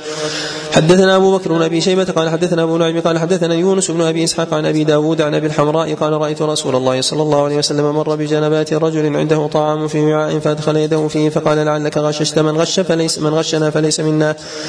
باب النهي عن بيع الطعام قبل أن يقبض. حدثنا سويد بن سعيد قال حدثنا مالك بن أنس عن نافع عن ابن عمر أن النبي صلى الله عليه وسلم قال من ابتاع طعاما فلا يبيعه حتى يستوفيه. حدثنا عمران بن موسى. فلا. قال عندي فلا يبيعه. هكذا في أصولنا الخطية بإثبات الياء وفي المطبوع يبيعه. وهو الجادة. فلا يبيعه. فلا يبعه حتى يستوفيه. حدثنا عمران بن موسى الليثي قال حدثنا حماد بن زيد حا وحدثنا بشر بن معاذ الضرير قال حدثنا أبو عوانة وحماد بن زيد قال حدثنا عمرو بن دينار عن طاووس عن ابن عباس قال قال رسول الله صلى الله عليه وسلم من ابتاع طعاما فلا يبعه حتى يستوفيه. قال أبو عوانة في حديثه قال ابن عباس ولا أحسب أو أحسب كل شيء إلا مثل الطعام. حدثنا علي بن محمد قال حدثنا مكي عن ابن أبي ليلى عن أبي زبير عن جابر قال نهى رسول الله صلى الله عليه وسلم عن بيع الطعام حتى يجري فيه الصاعان صاع البائع وصاع المشتري. باب بيع المجازفة. وما لا يمكن في البيع قبضه ولا يمكن تسليمه فلا يجوز حينئذ ولا يصح بيعه. وذلك بيع اللبن في الضرع. وكذلك أيضا الصوف على الظهر. فهذا فهذا لا يجوز. قد جاء في ذلك النهي عن جماعة من الصحابة جاء عن أبي هريرة وجاء عن ابن عمر وقال ابن حزم الأندلسي لا مخالف لهم من أصحاب رسول الله صلى الله عليه وسلم. أحسن الله إليك. باب بيع المجازفة. حدثنا سهل بن أبي سهل قال حدثنا عبد الله بن نمير عن عبيد الله عن نافع عن ابن عمر قال كنا نشتري الطعام من الركبان جزافا فنهانا رسول الله صلى الله عليه وسلم أن نبيعه حتى ننقله من مكانه. حدثنا علي بن ميمون الرقي قال حدثنا عبد الله بن يزيد عن ابن لهيعة عن موسى بن وردان عن سعيد بن المسيب عن عثمان بن عفان قال كنت أبيع التمر في السوق فأقول كلت في وسق هذا كذا فأدفع وساق التمر بكينه وأخذ شفي فدخلني من ذلك شيء فسألت رسول الله صلى الله عليه وسلم فقال إذا سميت الكيل فكله باب ما يرجى في كيل الطعام من البركة. حدثنا هشام بن عمار قال حدثنا إسماعيل بن عياش قال حدثنا محمد بن عبد الرحمن اليحصبي عن عبد الله بن مسلم المأزني قال سمعت رسول الله صلى الله عليه وسلم يقول كيلوا طعامكم يبارك لكم فيه. والمراد بذلك أن الإنسان يكيله قبل أن الإنسان يكيل الطعام قبل أن يبيعه. يعني إذا اشترى ثم أراد أن يبيعه مرة أخرى فإنه يكيله نفسه يكيل الطعام لنفسه ثم ثم يبيعه بعد ذلك. فهذا أمر على على حيازته. على حيازته. وما يحاز فلا بد من حيازته. وما لا يحاز أو يشق حيازته فإذا خلى بينك وبينه فحينئذ جاز لك أن تبيعه باعتبار تحقق الملك في ذلك. نعم. أحسن الله إليكم. حدثنا عمرو بن عثمان بن سعيد بن كثير بن دينار الحمصي قال حدثنا بقية بن الوليد عن بحير بن سعد عن خالد بن معدان عن مقدام بن معد كارب بن كارب عن أبي أيوب عن النبي صلى الله عليه وسلم قال كيلوا طعامكم يبارك لكم فيه. في حديث عائشة فكلته ففني. نعم. لا المراد بذلك هو الحساب. هذا فيما يتعلق في أمر البيع وذاك آخر. نعم. أحسن الله عليك باب الأسواق ودخولها. حدثنا إبراهيم بن المنذر الحزامي قال حدثنا إسحاق بن إبراهيم بن سعيد قال حدثني صفوان بن سليم قال حدثني محمد وعلي بن الحسن بن أبي الحسن البراد أن الزبير بن المنذر بن أبي أسيد الساعدي حدثهما أن أباه المنذر حدثه عن أبي أسيد أن أبا أسيد حدثه أن رسول الله صلى الله عليه وسلم ذهب إلى سوق النبيط فنظر إليه فقال ليس هذا لكم بسوق. ثم ذهب إلى سوق فنظر إليه فقال ليس هذا لكم بسوق. ثم ثم رجع إلى هذا السوق فطاف فيه ثم قال هذا سوقكم فلا ينتقصن ولا يضربن عليه خراج. حدثنا إبراهيم المستمر العروقي قال حدثنا أبي قال حدثنا عبيس بن ميمون قال حدثنا عود العقيلي أو العقيلي. عن أبي عثمان النهدي عن سلمان قال سمعت رسول الله صلى الله عليه وسلم يقول من غدا إلى صلاة الصبح غدا برأية الإيمان ومن غدا إلى السوق غدا برأية إبليس. حدثنا بشر بن معاذ الضرير قال حدثنا حماد بن زيد عن عمرو بن دينار مولى آل زبير عن سالم بن عبد الله بن عمر عن أبيه عن جده قال قال رسول الله صلى الله عليه وسلم من قال حين يدخل السوق لا إله إلا الله وحده لا شريك له له الملك وله الحمد يحيي ويميت وهو حي لا يموت بيده الخير وهو على كل شيء قدير. كتب له ألف ألف ألف حسنة. كتب كتب الله له ألف ألف حسنة ومحى عنه ألف ألف سيئة وبنى له بيتا في الجنة. باب ما يرجى من البركة في البكور حدثنا أبو بكر بن أبي شيبة قال حدثنا هشيم عن يعلى بن عطاء عن عمارة بن حديد عن صخر الغامدي قال قال رسول الله صلى الله عليه وسلم اللهم بارك لأمتي في بكورها. قال وكان إذا بعث سرية أو جيشا بعثه في أول النهار. قال وكان صخر رجلا تاجرا فكان يبعث تجارته في أول النهار فأثرى وكثر ماله. حدثنا أبو رواه محمد بن عثمان العثماني قال حدثنا محمد بن ميمون المدني عن عبد الرحمن بن أبي الزناد عن أبيه عن الأعرج عن أبي هريرة قال قال رسول الله صلى الله عليه وسلم اللهم بارك لأمتي في بكورها. يوم الخميس حدثنا يعقوب بن حميد بن كاسب قال حدثنا إسحاق بن جعفر بن محمد بن علي بن الحسين عن عبد الرحمن بن أبي بكر الجدعاني عن نافع عن ابن عمر أن النبي صلى الله عليه وسلم قال اللهم بارك لأمتي في بكورها. وهذا الحديث جاء النبي عليه الصلاة والسلام من طرق متعددة وكلها معلولة. وكلها معلولة ولكن معناه معناه صحيح. أن البركة في البكور. باب بيع المصرات حدثنا أبو بكر بن أبي شيبة وعلي بن محمد قال حدثنا أبو أسامة عن هشام بن حسان عن محمد بن سيرين عن أبي هريرة عن النبي صلى الله عليه وسلم قال من ابتاع مصرات فهو بالخيار ثلاثة أيام فإن ردها والبكور بركة في البيع وبركة في العلم وذلك لصفاء الذهن حتى للنظر والحجة. ولهذا جعل الله عز وجل جعل الله سبحانه وتعالى اختيار هذا الزمن لمناظرة موسى مع فرعون وأن يحشر الناس ضحى. وذلك لصفاء الذهن وذلك بعد راحته من كد نهار سابق فيأتي بعد ذلك نوم ثم يصفو الذهن. فأقرب الأزمنة لصفاء الذهن هو بعد الاستيقاظ التام من من النوم. يصفو الذهن للنظر والتأمل وكذلك أيضا للمناظرة والمحاورة. نعم. أحسن الله عليكم باب بيع المصرات حدثنا أبو بكر بن أبي شيبة وعلي بن محمد قال حدثنا أبو أسامة عن هشام بن حسان محمد بن سيرين عن أبي هريرة عن النبي صلى الله عليه وسلم قال من ابتاع مصرات فهو بالخيار ثلاثة أيام فإن ردها رد معها صاعا من تمر لا سمراء يعني الحنطة. حدثنا محمد بن عبد الملك بن أبي الشوارب قال حدثنا عبد الواحد بن زياد قال حدثنا صدقة بن سعيد الحنفي قال حدثنا جميع بن عمير التيمي قال حدثنا عبد الله بن عمر قال قال رسول الله صلى الله عليه وسلم يا أيها الناس من باع محفلة فهو بخيار ثلاثة أيام فإن ردها رد معها مثل لبنها أو قال مثل لبنها قمحا. حدثنا محمد بن إسماعيل قال حدثنا وكيع قال حدثنا المسعودي عن جابر عن أبي الضحى عن مسروق. عن أبي الضحى عن مسروق. عن عبد الله بن مسعود أنه قال أشهد على الصادق المصدوق أبي القاسم صلى الله عليه وسلم أنه قال أنه حدثنا قال بيع المحفلات خلابة ولا تحل الخلابة لمسلم. باب الخراج والمراد بذلك بالخلابة الغش. المراد بالخلابة هو الغش والخداع. ويتفق الصحابة عليهم رضوان الله تعالى على أن الإنسان إذا خودع في بيعه فباع سلعته بدون الثمن المعروف أن هذا كاف في رد رد البيع. وقضى بذلك عمر. وكذلك قال به وأفتى عبد الله بن عمر والعباس وجرير وغيرهم ولا مخالف لهم من أصحاب رسول الله صلى الله عليه وسلم. وقد نص على أن هذا هو عمل الصحابة ولا مخالف لهم في ذلك جماعة من العلماء كابن حزم الأندلسي وغيره. نعم. أحسن الله عليكم باب الخراج بالضمان. حدثنا أبو بكر بن أبي شيبة وعلي بن محمد قال حدثنا وكيع عن ابن أبي ذئب قال عن مخلد بن خفاف بن إيماء بن بن رحضة الغفاري عن عروة بن الزبير عن عائشة أن رسول الله صلى الله عليه وسلم قضى أن أن خراج العبد بضمانه. حدثنا هشام بن عمان قال حدثنا مسلم بن خالد الزنجي قال حدثنا هشام بن عروة عن أبي عن عائشة أن رجلا اشترى عبدا فاستغله ثم وجد به عيبا فرده فقال يا رسول الله إنه قد استغل غلامي. فقال رسول الله صلى الله عليه وسلم الخراج بالضمان. الصمد باب عهدة الرقيق. حدثنا محمد بن عبد الله بن نمير قال حدثنا عبدة بن سليمان عن سعيد عن قتادة عن الحسن إن شاء الله عن سمرة بن جندب قال قال رسول الله صلى الله عليه وسلم عهدة الرقيق ثلاثة أيام. حدثنا عمرو بن رافع قال حدثنا هشيم عن يونس بن عبيد عن الحسن عن عقبة بن عامر أن رسول الله صلى الله عليه وسلم قال لا عهدة بعد أربع. باب من باع عيب باب باب من باع عيبا فليبينه.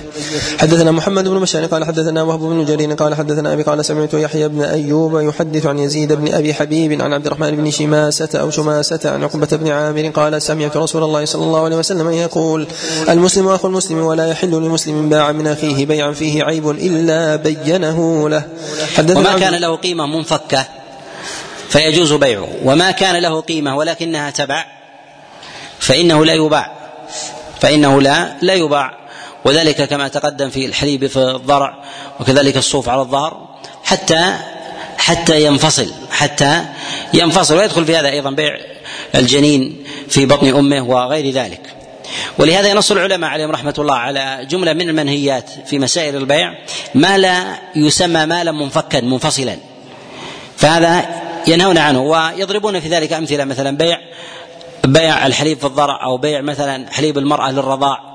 ونحو ذلك بأنه عادة لا يخرج كحال كحال الحليب الذي يتناوله الناس من بهيمة الأنعام. وكذلك أيضا كبيع الهوى ولكن مع تأخر الزمن أمكن أمكن ذلك. فأصبح الناس يبيعون حتى حتى الهوى يضعونه في أسطوانات ثم يقومون ببيعه كأكسجين. وهذا لهذا نقول إن بعض الفقه الذي يطلقه السلف باعتبار عدم إمكان كونه محازا منفكا فانه فإنه فإنهم ينهون عن بيعه ويقولون بعدم جوازه. ولكن إذا أمكن ذلك حينئذ يقال بجواز بجواز بيعه. أحسن الله إليكم. حدثنا عبد الوهاب بن الضحاك قال حدثنا بقية بن وليد عن معاوية بن يحيى عن مكحول وسليمان بن موسى عن واثلة بن الأسقع قال سمعت رسول الله صلى الله عليه وسلم يقول من باع عيبا لم يبينه لم يزل في مقت الله ولم تزل الملائكة تلعنه. باب النهي عن التفريق بين السبي. حدثنا علي بن محمد ومحمد بن إسماعيل قال حدثنا وكيع قال حدثنا سفيان عن جابر عن قاسم بن عبد الرحمن عن أبيه عن عبد الله بن مسعود قال كان النبي صلى الله عليه وسلم إذا أتي بالسبي أعطى أهل البيت جميعا كراهية أن يفرق بينهم. حدثنا محمد بن يحيى قال حدثنا عفان عن حماد قال أخبرنا الحجاج عن الحكم عن ميمون بن أبي شبيب عن علي قال وهبني رسول الله صلى الله عليه وسلم غلامين أخوين فبعت أحدهما فقال ما فعل الغلامان؟ قلت بعت أحدهما. قال رده. حدثنا محمد بن عمر بن الهياج قال حدثنا عبيد الله بن موسى قال حدثنا إبراهيم بن إسماعيل عن طليق بن عمران عن أبي بردة عن أبي موسى قال لعن رسول الله صلى الله عليه وسلم من فرق بين الوالد وولده وبين الأخ وأخيه. وهذا من رحمته عليه الصلاة والسلام بالخلق. وكذلك فطرة هذا الدين. وذلك بأنه حتى لو كان حق للإنسان أن يبيع لا يجوز أن يبيع ويفرق بين الأم وولدها. ولا الأب وابنه وابنته ولا بين الأخ وأخيه ويبيعهم سواء. ويبيعهم سواء. وهذا وهذا حق لهم وحق للرحم وأرأف وأرأف بالقلب. نعم. السلام عليكم. باب شراء الرقيق. حدثنا محمد بن بشار قال حدثنا عباد بن ليث صاحب الكرابيسي قال حدثنا عبد المجيد بن وهب قال قال لي العداء بن خالد بن هودة ألا, ألا نقرئك كتابا كتبه لي كتبه لي رسول الله صلى الله عليه وسلم. قلت بلى فأخرج لي كتابا فإذا فيه هذا ما اشترى العداء بن خالد بن هودة من محمد رسول الله صلى الله عليه وسلم. اشترى منه عبدا أو أمة لا داء ولا غائلة ولا ولا خبثة. بيع المسلم للمسلم. حدثنا عبد الله بن سعيد قال حدثنا أبو خالد الأحمر عن ابن عجلان عن عمرو بن شعيب عن أبيه عن جده قال قال رسول الله صلى الله عليه وسلم إذا اشترى أحدكم الجارية فليقل, فليقل اللهم إني أسألك خيرها وخير ما جبلتها عليه وأعوذ بك من شرها وشر ما جبلتها عليه وليدعو بالبركة. وإذا اشترى أحدكم بعيرا فليأخذ بذروة بذروة أو ذروة سنامه وليدعو بالبركة وليقل مثل ذلك. باب الصرف وما لا يجوز متفاضلا يدا بيد. حدثنا أبو بكر بن أبي شيبة وعلي بن محمد وهشام بن عمار ونصر بن علي ومحمد بن صباح قالوا حدثنا سفيان بن عيينة عن الزهري عن مالك بن انس بن الحدثان النصري قال سمعت عمر بن الخطاب يقول قال رسول الله صلى الله عليه وسلم الذهب بالورق ربا إلا هاء وهاء والبر بالبر ربا إلا هاء وهاء والشعير بالشعير ربا إلا هاء وهاء والتمر بالتمر ربا إلا هاء وهاء حدثنا حميد بن مسعدة قال حدثنا يزيد بن زرع وحدثنا محمد بن خالد بن خداش قال حدثنا إسماعيل بن علية قال حدثنا سلمة بن علقمة التميمي قال حدثنا محمد بن سيرين أن مسلم بن يسار وعبد الله بن عبيد حدثه قال جمع المنزل بين عبادة بن الصامت ومعاوية إما في كنيسة وإما في بيعة فحدثهم عبادة بن الصامت فقال نهانا رسول الله صلى الله عليه وسلم. والكنيسة التي تكون في بلدان المسلمين في بلدان التي تفتح فهذا فهذا تبقى على ما هي عليه لأهلها إلا أنه لا يبنى لا يبنى جديدا فيها. وهذا باتفاق الأئمة باتفاق الأئمة. وأما القرى التي يمصرها المسلمون هم الذين أنشأوها. ولو تكاثر فيها النصارى واليهود لا يجوز أن تبنى فيها الكنائس ولا البيع. ولهذا جاء عن عبد الله بن عباس عليه رضوان الله قال أيما مصر مصرته العرب فلا تبنى به به كنيسة. أو ليس للعجم أن يبنوا به به كنيسة. ولا يعلم لعبد الله بن عباس عليه رضوان الله تعالى مخالف مخالف في هذا. وإنما الخلاف عند بعض الفقهاء من أهل الرأي بعد أبي حنيفة بعد أبي حنيفة عليه رحمة الله في بعض سواد سواد المشركين من أهل الكتاب. وذلك الذين يكون لهم يكون لهم قرى سواد في الضواحي وليس في المدن وهي وسوادهم فيها أكثر. سوادهم فيها أكثر. يقول بعض أهل الرأي أن أنه لهم أن يبنوا في ذلك إذا كانت البلدة هي سوادهم وهي بلدة أصلية لهم وليست بلدة أنشأها المسلمون فوردوا إليها. فهذا قول أيضا قول شاذ. هذا قول شاذ لا يوافقه عليه عليهم أحد من ذلك من آه، القرن الأول ولا كذلك أيضا القرن الثاني من الصحابة والتابعين. نعم. الله إليكم فحدثهم عبادة بن صامت فقال نهانا رسول الله صلى الله عليه وسلم عن بيع الورق بالورق والذهب بالذهب والبر بالبر والشعير بالشعير والتمر بالتمر. قال أحدهما والملح بالملح ولم يقله الآخر وأمرنا أن نبيع البر بالشعير والشعير بالبر يدا بيد كيف شئنا. حدثنا أبو بكر بن أبي شيبة قال حدثنا يعلى بن عبيد قال حدثنا فضيل بن غزوان عن ابن أبي نعم عن أبي هريرة عن النبي صلى الله عليه وسلم قال الفضة بالفضة والذهب بالذهب والشعير بالشعير والحنطة بالحنطة مثلا بمثل. حدثنا كريم قال حدثنا عبدة بن سليمان عن محمد بن عمرو عن أبي سلمة عن أبي سعيد قال كان النبي صلى الله عليه وسلم يرزقنا تمرا من تمر الجمع فنستبدل به تمرا هو اطيب منه ونزيد في السعر فقال رسول الله صلى الله عليه وسلم لا يصلح صاع تمر بصاعين ولا درهم بدرهمين والدرهم بالدرهم والدينار بالدينار لا فضل بينهما إلا وزنا. باب من قال لا ربا إلا في النسيئة. حدثنا محمد بن صباح قال حدثنا سفيان بن عيينة عن عمرو بن دينار عن أبي صالح قال سمعت أبا سعيد الخدري يقول الدرهم بالدرهم والدينار بالدينار فقلت إني سمعت من عباس يقول غير ذلك قال أما إني لقيت ابن عباس فقلت أخبرني عن هذا الذي تقول في عن هذا الذي تقول في الصرف. أشيء سمعته من رسول الله صلى الله عليه وسلم أم شيء وجدته في كتاب الله؟ فقال ما وجدته في كتاب الله ولا سمعت من رسول الله ولكن أخبرني أسامة بن زيد أن رسول الله صلى الله عليه وسلم قال إنما الربا في النسيئة. حدثنا أحمد بن عبدة قال أخبرنا حماد بن زيد عن سليمان بن علي الربعي عن أبي الجوزاء قال أو الربعي عن أبي الجوزاء قال سمعته يأمر بالصرف عن ابن عباس ويحدث ذلك عنه. ويحدث ذلك عنه ثم بلغني أنه رجع عن ذلك فلقيته بمكة فقلت إنه بلغني أنك رجعت. قال نعم إنما كان ذلك رأيا مني وهذا أبو سعيد يحدث عن رسول الله صلى الله عليه وسلم أنه نهى أنه نهى عن الصرف. باب صرف الذهب بالورق حدثنا أبو بكر بن أبي شيبة قال حدثنا سفيان عن الزهري أنه سمع مالك بن أوس بن الحدثاني يقول سمعت عمر يقول قال رسول الله صلى الله عليه وسلم يقول قال انه ما بلغ الإنسان علما يقع منه الزلل المخالفه الصريحة أيضا ولا يسعه أيضا إلا أن يرجع إلى الحق. إذا ظهر له الدليل فالمؤمن أواب رجاع إلى إلى الحق. والذي لا يرجع مع ظهور الدليل ويبحث عن مخرج وتأويل لغيره هذا المتكبر. الذي يحافظ على ثبات نفسه لا على ثبات الحق لا على ثبات الحق والمؤمن الصادق هو الذي يهمه ثبات الحق وسلامته ولو كان ذلك على سبيل على سبيل عدم سلامة نفسه أو سمعته أو الإساءة أو الإساءة الإساءة إليه. أحسن الله إليكم. سمعت عمر يقول قال رسول الله صلى الله عليه وسلم الذهب بالورق إلا هاء وها قال أبو بكر بن أبي شيبة سمعت سفيان يقول الذهب بالورق احفظوا. حدثنا محمد بن روح قال أخبرنا الليث بن سعد عن ابن شهاب عن مالك بن أوس بن الحدثاني قال أقبلت أقول من يصطرف الدراهم فقال طلحة بن عبيد الله وهو عند عمر بن الخطاب. أرنا ذهبك ثم أتنا إذا جاءنا إذا جاء خازننا نعطيك ورقك. فقال عمر كلا والله لتعطينه ورقه أو لتردن إليه ذهبه فإن رسول الله صلى الله عليه وسلم قال الورق بالذهب ربا الا هاء وهاء حدثنا أبو إسحاق الشافعي إبراهيم بن محمد بن العباس قال حدثني أبي عن ابيه العباس بن عثمان بن شافع عن عمر بن عبد محمد بن علي بن أبي طالب عن أبيه عن جده قال قال رسول الله صلى الله عليه وسلم الدينار بالدينار والدرهم بالدرهم لا فضل بينهما فما كانت له حاجة بورق فليصرفها بذهب ومن كانت له حاجة بذهب فليصرفها بالورق. والصرف هاء وهاء باب اقتضاء الذهب من الورق والورق من الذهب. حدثنا إسحاق بن إبراهيم بن حبيب وسفيان بن وكيع ومحمد بن عبيد بن ثعلبة الحماني قالوا حدثنا عمر بن عبيد الطنافسي قال حدثنا عطاء بن السائب أو سماك ولا اعلمه الا سماك عن سعيد بن جبير عن ابن عمر قال كنت أبيع الإبل فكنت آخذ الذهب من الفضة والفضة من الذهب والدنانير من الدراهم والدراهم من الدنانير. فسألت النبي صلى الله عليه وسلم فقال إذا أخذت أحدهما وأعطيت الآخر فلا تفارق صاحبك وبينك وبينه لبس.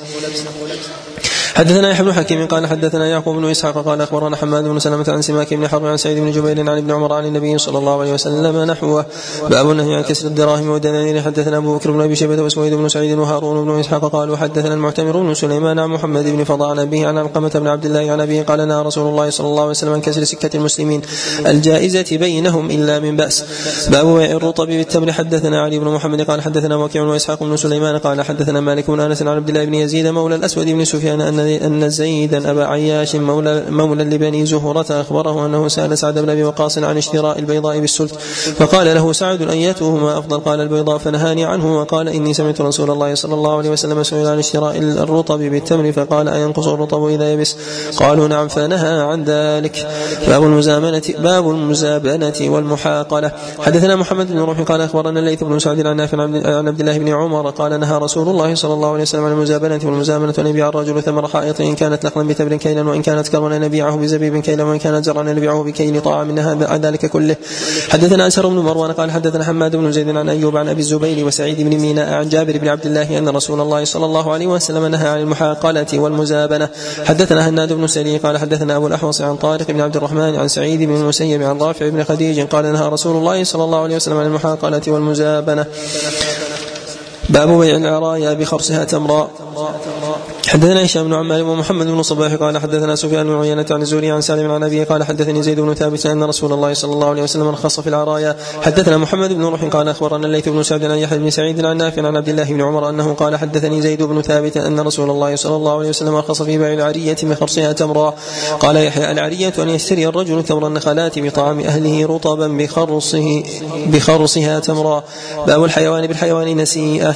حدثنا عبد الله بن سعيد قال حدثنا عبدة بن سليمان عن سعيد بن أبي عروبة عن قتادة عن الحسن عن سمرة بن جندب أن رسول الله صلى الله عليه وسلم نهى عن بيع الحيوان بالحيوان نسيئة. حدثنا عبد الله بن سعيد قال حدثنا حفص بن غياث وأبو خالد الحجاج عن أبي الزبير عن جابر أن رسول الله صلى الله عليه وسلم قال لا بأس بالحيوان واحدا باثنين يدا بيد وكرهه نسيئة. باب الحيوان وجاء عن بعض الصحابة عليهم رضوان الله تعالى بيع الحيوان بالحيوان فضلا ونسيئة. جاء ذلك عن علي بن أبي طالب عليه رضوان الله تعالى أنه باع جملا بعشرين إلى أجل. وجاء أيضا عن عبد الله بن عمر أنه باع جملا بأربعة إلى إلى أجل. وهذا يدل على أن النهي في ذلك أنه ليس ليس على على التحريم. نعم. أحسن الله إليكم. باب الحيوان بالحيوان متفاضلا يدا بيد. حدثنا نصر بن علي الجهضمي قال حدثنا الحسين بن عروة وحدثنا أبو عمر حفص بن عمرو قال حدثنا عبد الرحمن بن مهدي قال حدثنا حماد بن سلمة عن ثابت عن أنس أن النبي صلى الله عليه وسلم اشترى صفية بسبعة أرؤوس. قال عبد الرحمن من دحية الكلب. باب التغليظ في الربا. حدثنا أبو بكر بن أبي شيبة قال حدثنا الحسن بن موسى عن حماد بن سلمة عن علي بن زيد عن أبي الصلت عن أبي هريرة قال قال رسول الله صلى الله عليه وسلم أتيت ليلة أسري بي على قوم بطونهم كالبيوت. فيها الحيات ترى من خارج بطونهم. فقلت من هؤلاء يا جبريل؟ قال هؤلاء أكلة الربا. حدثنا عبد الله بن سعيد. قال حدثنا عبد الله بن إدريس عن أبي معشر عن سعيد المقوري عن أبي هريرة. قال قال رسول الله صلى الله عليه وسلم الربا سبعون حوبا أيسرها أن ينكح الرجل أمه. حدثنا عمرو بن علي الصيرفي وأبو حفص. قال حدثنا ابن أبي عدي عن شعبة عن زبيد عن إبراهيم عن مسروق عن عبد الله عن النبي صلى الله عليه وسلم. قال الربا ثلاثة وسبعون بابا. حدثنا نصر بن علي الجهضمي قال حدثنا خالد بن الحارث قال حدثنا سعيد عن قتادة عن سعيد بن المسيب عن عمر بن الخطاب قال إن آخر ما نزلت آية الربا وإن رسول الله صلى الله عليه وسلم قبض ولم يفسرها لنا فدعوا الربا والريبة. حدثنا الربا مما لا خلاف فيه أنه من السبع الموبقات. وكذلك أيضا فإن الربا قد وصف الله عز وجل فاعله بأنه محارب لله ولرسوله. وذكر الله عز وجل المحاربة في الكتاب والسنة في ثلاثة مواضع المحاربة له. الموضع الأول في الشرك والكفر وهو أعظم الظلم. الثاني الربا. الثالث معاداة الصالحين. معاداة الصالحين أولياء الله سبحانه وتعالى. فهذا الذي ذكر الله عز وجل فيه محاربته سبحانه سبحانه وتعالى. المحرمات في المعاملات جماعها لا يخرج عن صورتين الصورة الأولى الربا الصورة الثانية الجهالة والغرر. ويدخل في أمر الجهالة والغرر ما يتعلق بالقمار والميسر وأصناف البيع من المزابنة وكذلك أيضا الملامسة وبيع الحصات وغير ذلك مما دل الدليل على على تحريمه لورود الجهالة الجهالة فيه. أعظم بيع حرمه الله سبحانه وتعالى الذي فيه جنس ربا. الذي فيه جنس جنس ربا. وذلك لأنه لا يقع الربا غالبا إلا لوجود قوي وضعيف. وجود قوي وضعيف. والقوي هو الغني. الظالم. والضعيف هو الذي محتاج للمال لا يجده إلا عن طريق الربا. وأما النوع الثاني والذي فيه جهالة فيقع من طرفين بالتراضي. كالذين يلعبون القمار والميسر ويتبايعون بالملامسة والمنابذة ويقع في ذلك من من أمور الجهالة. فهذا هو الذي اختارها اختارها قصدا. ولهذا عظم الربا لاجتماع الأمرين فيه منها استغلال الضعيف وإجباره على على ذلك. فلم يخرج هذا الأمر من طيب نفس منه. نعم.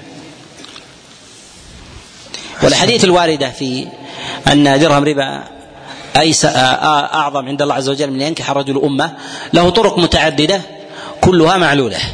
كلها معلولة. نعم. أحسن الله إليكم حدثنا محمد بن بشار قال حدثنا محمد بن جعفر قال حدثنا شعبة قال حدثنا سماك بن حرب قال سمعت عبد الرحمن بن عبد الله يحدث عن عبد الله بن مسعود أن رسول الله صلى الله عليه وسلم لعن آكل الربا وموكله وشاهديه وكاتبه. حدثنا عبد الله بن سعيد قال حدثنا إسماعيل بن علية قال حدثنا داود بن أبي هند عن سعيد بن أبي خيرة عن الحسن عن أبي هريرة قال قال رسول الله صلى الله عليه وسلم ليأتين على الناس زمان لا يبقى منهم أحد إلا أكل الربا فمن لم يأكله أصابه من غباره. حدثنا العباس بن جعفر قال حدثنا عمرو بن عمرو قال حدثنا يحيى بن أبي زائده عن إسرائيل عن ركين بن الربيع بن عميلة عن أبيه عن ابن مسعود عن النبي صلى الله عليه وسلم قال ما أحد أكثر من الربا إلا كان عاقبة أمره إلى قلة. باب السلف في كيل معلوم ووزن معلوم والقلة على نوعين. إما قلة عدد وإما قلة بركة. إما قلة عدد وإما قله قلة بركة. والأصل في المال أن أن الإنسان يغتنم المال وزيادته لزيادة البركة والأثر عليه. وأعظم الحرمان أن يزيد المال عددا ويزيد الإنسان تبعة وهما فيه. فهذا هو أعظم المحق وهذا أعظم المحق. كثير من الناس يظن أن محق بركة المال في محق الربا مثلا يمحق الله الربا ويربي الصدقات. يظن بذلك المحق هو النقصان العدد. ليس المراد بذلك لزوما نقصان العدد. بل قد يتزايد العدد عنده ولكن الله عز وجل يلغي أثره عليه. يلغي أثره عليه. فيجد مع زيادة المال أعظم مما يجد الفقير المعدم. من الهم والجزع وعدم راحة البال. نعم. أحسن الله عليكم حدثنا هشام بن عمار قال حدثنا سفيان بن عيينة عن ابن أبي نجيح عن عبد الله بن كثير عن ابي المنهال عن ابن عباس قال قدم النبي صلى الله عليه وسلم وهم يسلفون في التمر السنتين والثلاث فقال من أسلف في تمر فليسلف في كيل معلوم ووزن معلوم إلى أجل معلوم. حدثنا يعقوب بن حميد بن كاسم قال حدثنا الوليد بن مسلم عن محمد بن حمزة بن يوسف بن عبد الله بن سلام عن أبيه عن جدي عبد الله بن سلام قال جاء رجل إلى النبي صلى الله عليه وسلم فقال إن بني فلان أسلموا لقوم من اليهود وإنهم قد جاعوا فاخاف أن يرتدوا. فقال النبي صلى الله عليه وسلم من عنده؟ فقال رجل من اليهود عندي كذا وكذا. وكذا لشيء قد سماه أراه قال ثلاثمائة دينار بسعر كذا وكذا من حائط بني فلان. فقال النبي صلى الله عليه وسلم بسعر كذا وكذا إلى أجل كذا وكذا وليس من حائط بني فلان. حدثنا محمد بن بشار قال حدثنا يحيى بن سعيد وعبد الرحمن بن مهدي قال حدثنا شعبة عن يحيى قال يحيى عن عبد الله بن أبي المجالد وقال عبد الرحمن عن ابن أبي المجالد قال امترى عبد الله بن شداد وأبو بردة في السلم فأرسلوني إلى عبد الله بن أبي أوفى فسألته فقال كنا نسلم على عهد رسول الله صلى الله عليه وسلم وعهد أبي بكر وعمر في الحنطة والشعير والزبيب والتمر. عند قوم ما عندهم فسألت ابن أبزة فقال مثل ذلك. باب من أسلف في شيء فلا يصرف إلى غيره. حدثنا محمد بن عبد الله بن نمير قال حدثنا شجاع بن الوليد قال حدثنا زياد بن خيثمة عن سعد عن عطية عن أبي سعيد قال قال رسول الله صلى الله عليه وسلم إذا أسلفت في شيء فلا تصرفه إلى غيره. حدثنا عبد الله بن سعيد قال حدثنا شجاع بن الوليد عن زياد بن خيثمة عن عطية عن أبي سعيد قال قال رسول الله صلى الله عليه وسلم فذكر مثله ولم يذكر سعدا. باب إذا أسلم في نخل بعينه لم يطلع. حدثنا هناد بن سري قال حدثنا أبو الأحوص عن أبي إسحاق عن النجراني قال قلت لعبد الله بن عمر أسلم في نخل قبل أن يطلع قال لا. قلت لما؟ قال إن رجلا أسلم في حديقة نخل في عهد رسول الله صلى الله عليه وسلم قبل أن يطلع النخيل فلم يطلع النخل شيئا ذلك العام. فقال المشتري هو لي حتى يطلع وقال البائع إنما بعتك النخل هذه السنة فاختصم إلى رسول الله صلى الله عليه وسلم فقال للبائع أخذ من نخلك شيئا؟ قال لا. قال فبما تستحل ماله اردد عليه ما أخذت منه ولا تسلم في نخل حتى يبدو صلاحه.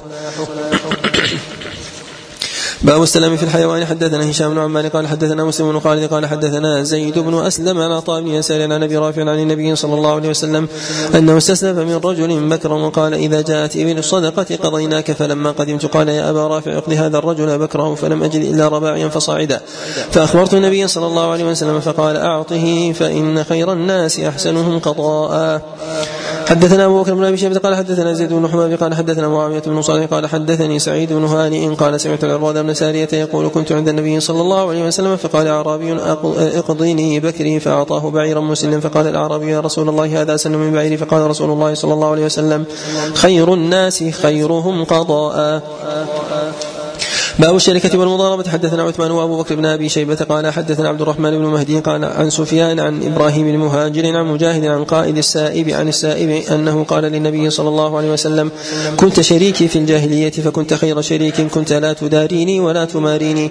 حدثنا أبو سامي سلم بن جنادة قال حدثنا أبو داود الحفري وعن سفيان عن أبي إسحاق عن أبي عبيدة عن عبد الله قال اشتركت أنا وسعد وعمار يوم بدر. فيما نصيب فلم أجئ أنا ولا عمار بشيء وجاء سعد برجلين. حدثنا الحسن بن علي الخلال قال حدثنا بشر بن ثابت البزار قال حدثنا نصر بن القاسم بن عبد الرحيم بن داود عن صالح بن صهيب عن أبيه قال قال رسول الله صلى الله عليه وسلم ثلاث فيهن البركة البيع إلى أجل والمقارضة وأخلاط البرز بالشعير للبيت لا للبيع باب للرجل من ما باب مال الرجل من مال ولده. حدثنا أبو بكر بن أبي شيبة قال حدثنا ابن أبي زائدة عن الأعمش عن عمرة بن عمير عن عمة عن عائشة قالت قال رسول الله صلى الله عليه وسلم إن أطيب ما أكلتم من كسبكم وإن أولادكم من كسبكم. حدثنا هشام بن عمار قال حدثنا عيسى بن يونس قال حدثنا يوسف بن إسحاق عن محمد بن المنكدر عن جابر بن عبد الله أن رجلا قال يا رسول الله إن لي مالا وولدا وإن أبي يريد أن يجتاح مالي فقال أنت ومالك لأبيك. حدثنا محمد بن يحيى ويحيى بن حكيم قال حدثنا يزيد بن هارون قال أخبرنا حجاج عن عمرو بن شعيب عن أبيه عن جده قال جاء رجل إلى النبي صلى الله عليه وسلم فقال إن أبي اجتاح مالي فقال أنت ومالك لأبيك. فقال رسول الله صلى الله عليه وسلم إن أولادكم من أطيب كسبكم فكلوا من أموالهم. باب مال المرأة بمال زوجها. حدثنا أبو بكر بن أبي شيبة وعلي بن محمد وأبو عمر الضرير قالوا حدثنا وكيع قال حدثنا هشام بن عروة عن أبيه عن عائشة قالت جاءت هند إلى النبي صلى الله عليه وسلم فقالت يا رسول الله إن أبا سفيان رجل شحيح ولا يعطيني ما يكفيني وولدي إلا ما أخذت من ماله وهو لا يعلم فقال خذي وولدك ما يكفيك بالمعروف خذي وولدك ما يكفيك بالمعروف. حدثنا محمد بن عبد الله بن نمير قال حدثنا أبي وأبو معاوية عن الأعمش عن أبي وائل عن مسروق عن عائشة قالت قال رسول الله صلى الله عليه وسلم إذا أنفقت المرأة وقال, في وقال أبي في حديثه إذا أطعمت المرأة من بيت زوجها غير مفسدة كان لها أجرها وله مثله بما اكتسب ولها بما أنفقت. وللخازن مثل ذلك من غير أن ينقص من أجورهم شيئا. حدثنا هشام بن عمان قال حدثنا إسماعيل بن عياش قال حدثني شرحبيل بن مسلم القولاني قال سمعت أبا أمامة الباهلية يقول سمعت وأما بالنسبة للجارية في بيت زوجها فجاء عن عمر بن الخطاب عليه رضوان الله تعالى فيما رواه عنه شريح قال إن الجارية إذا كان إذا أرادت أن تنفق من مال زوجها في بيته فلا تنفق حتى تبقى في بيته عاما أو تلد له ولدا. أو تلد له ولدا رواه سعيد بن منصور في كتابه السنن وقال ابن قدامة رحمه الله في كتابه المغني لا مخالف لعمر في في فتواه يعني من أصحاب رسول الله صلى الله عليه وسلم. نعم. الله عليكم قال سمعت أبا أمامة الباهلي يقول سمعت رسول الله صلى الله عليه وسلم يقول لا تنفق المرأة من بيتها شيئا إلا بإذن زوجها. قالوا يا رسول الله ولا الطعام؟ قال ذلك أفضل أموالنا. باب ما للعبد أن يعطي ويتصدق. حدثنا محمد بن صباح قال حدثنا سفيان حاء وحدثنا عمرو بن رافع قال حدثنا جرير عن مسلم الملائي أنه سمع أنس بن مالك يقول كان رسول الله صلى الله عليه وسلم يجيب دعوة المملوك. حدثنا أبو بكر بن أبي شيبة قال حدثنا حفص بن غياث عن محمد بن زيد عن عمير مولى أبي اللحم قال كان مولاي يعطيني شيئا فأطعم منه فمنعني أو قال فضربني فسألت النبي صلى الله عليه وسلم وسأله فقلت فقلت لا أنتهي أو لا أدعه فقال الأجر بينكما باب من مر على ماشية قوم أو حائط هل يصيب منه؟ حدثنا أبو بكر بن أبي شيبة قال حدثنا شبابة بن سوار حاء وحدثنا محمد بن بشار ومحمد بن وليد قال حدثنا محمد بن جعفر قال حدثنا شعبة عن أبي بشر جعفر بن أبي إياس قال سمعت عباد بن شرحبيل رجلا من بني غبر قالت أصبنا أصابنا عام مخمصة فأتيت المدينة. فأتيت حائطا من حيطانها فأخذت سنبولا ففركته فأكلته وجعلته في كسائي فجاء فجاء صاحب الحائط فضربني وأخذ ثوبي فأتيت النبي صلى الله عليه وسلم فأخبرته فقال للرجل ما أطعمته إذ كان جائعا أو ساغبا ولا علمته إذ كان جاهلا. فأمره النبي صلى الله عليه وسلم فرد إليه ثوبه وأمر له بوسق من طعام أو نصف وسق. حدثنا محمد بن صباح ويعقوب بن حميد بن كاسم قال حدثنا معتمر بن سليمان قال سمعت ابن أبي الحكم الغفاري قال حدثتني جدتي عن عم عن عم أبيها رافع بن عمرو الغفاري قال كنت أنا وغلام أرمي نخلا. أرمي نخلنا أو قال نخل الأنصار فأتي بي النبي صلى الله عليه وسلم فقال يا غلام أو قال ابن كاسب يا بني وقال ابن كاسب يا بني لم ترمي النخل قال قلت آكل قال فلا ترمي النخل وكل مما يسقط في أسافلها قال ثم مسح رأسي وقال اللهم أشبع بطنه حدثنا محمد بن يحيى قال حدثنا يزيد بن هارون قال أخبرنا الجريدي عن أبي نضرة عن أبي سعيد عن النبي صلى الله عليه وسلم قال إذا أتيت على راع فناديه ثلاث مرار فإن أجابك وإلا فاشرب في غير أن تفسد وإذا أتيت على حائط بستان فنادي صاحب البستان ثلاث مرات فإن أجابك وإلا فكن في أن لا تفسد. حدثنا هدية بن عبد الوهاب وأيوب بن حسان الواسطي وعلي بن سلمة قالوا حدثنا يحيى بن سليم الطائفي عن عبيد الله بن عمر عن نافع عن ابن عمر قال قال رسول الله صلى الله عليه وسلم إذا مر أحدكم بحائط فليأكل ولا يتخذ خبنة. باب النهي لمن دخل حائطا أو مر بماشية فله أن يأخذ حاجته منها بأربعة شروط. الشرط الأول أن ينادي أن ينادي صاحبها. ثم إذا لم يجب فإنه يأخذ من ذلك. وقد ذكر غير واحد من أصحاب رسول الله صلى الله عليه وسلم هذا الأمر وهو الأمر بالمنادات. إذا دخل بستانا أو جاء عند ماشية ولم يعلم صاحبها فإنه ينادي وإن لم يجب فإنه يأخذ حاجته منه. نص على هذا عمر بن الخطاب عليه رضوان الله وابن عباس وأبو بردة وغيرهم ولا مخالف لهم أيضا من أصحاب رسول الله صلى الله عليه وسلم كما نص على ذلك من قدامة. الشرط الثاني أن يكون محتاجا لا يأخذها مترفا. الثالث أن لا يكون مفسدا يعني يتناول بفساد. والرابع ألا يأخذ معه شيئا فلا يتخذ خبنة يعني زيادة عن ذلك. وهذا خاص بالماشية والبساتين بخلاف مواضع مواضع التجارة والأثمان والأسواق وغير ذلك. نعم. أحسن الله عليكم. باب النهي أن يصيب منها شيئا إلا بإذن صاحبها حدثنا محمد بن رمح قال أخبرنا الليث بن سعد عن نافع. اقرأ يا شيخ. نعم. كله كله واحد كلها قل حتى لو كانت معروضة البيع نعم. حتى لو كانت معروضة البيع.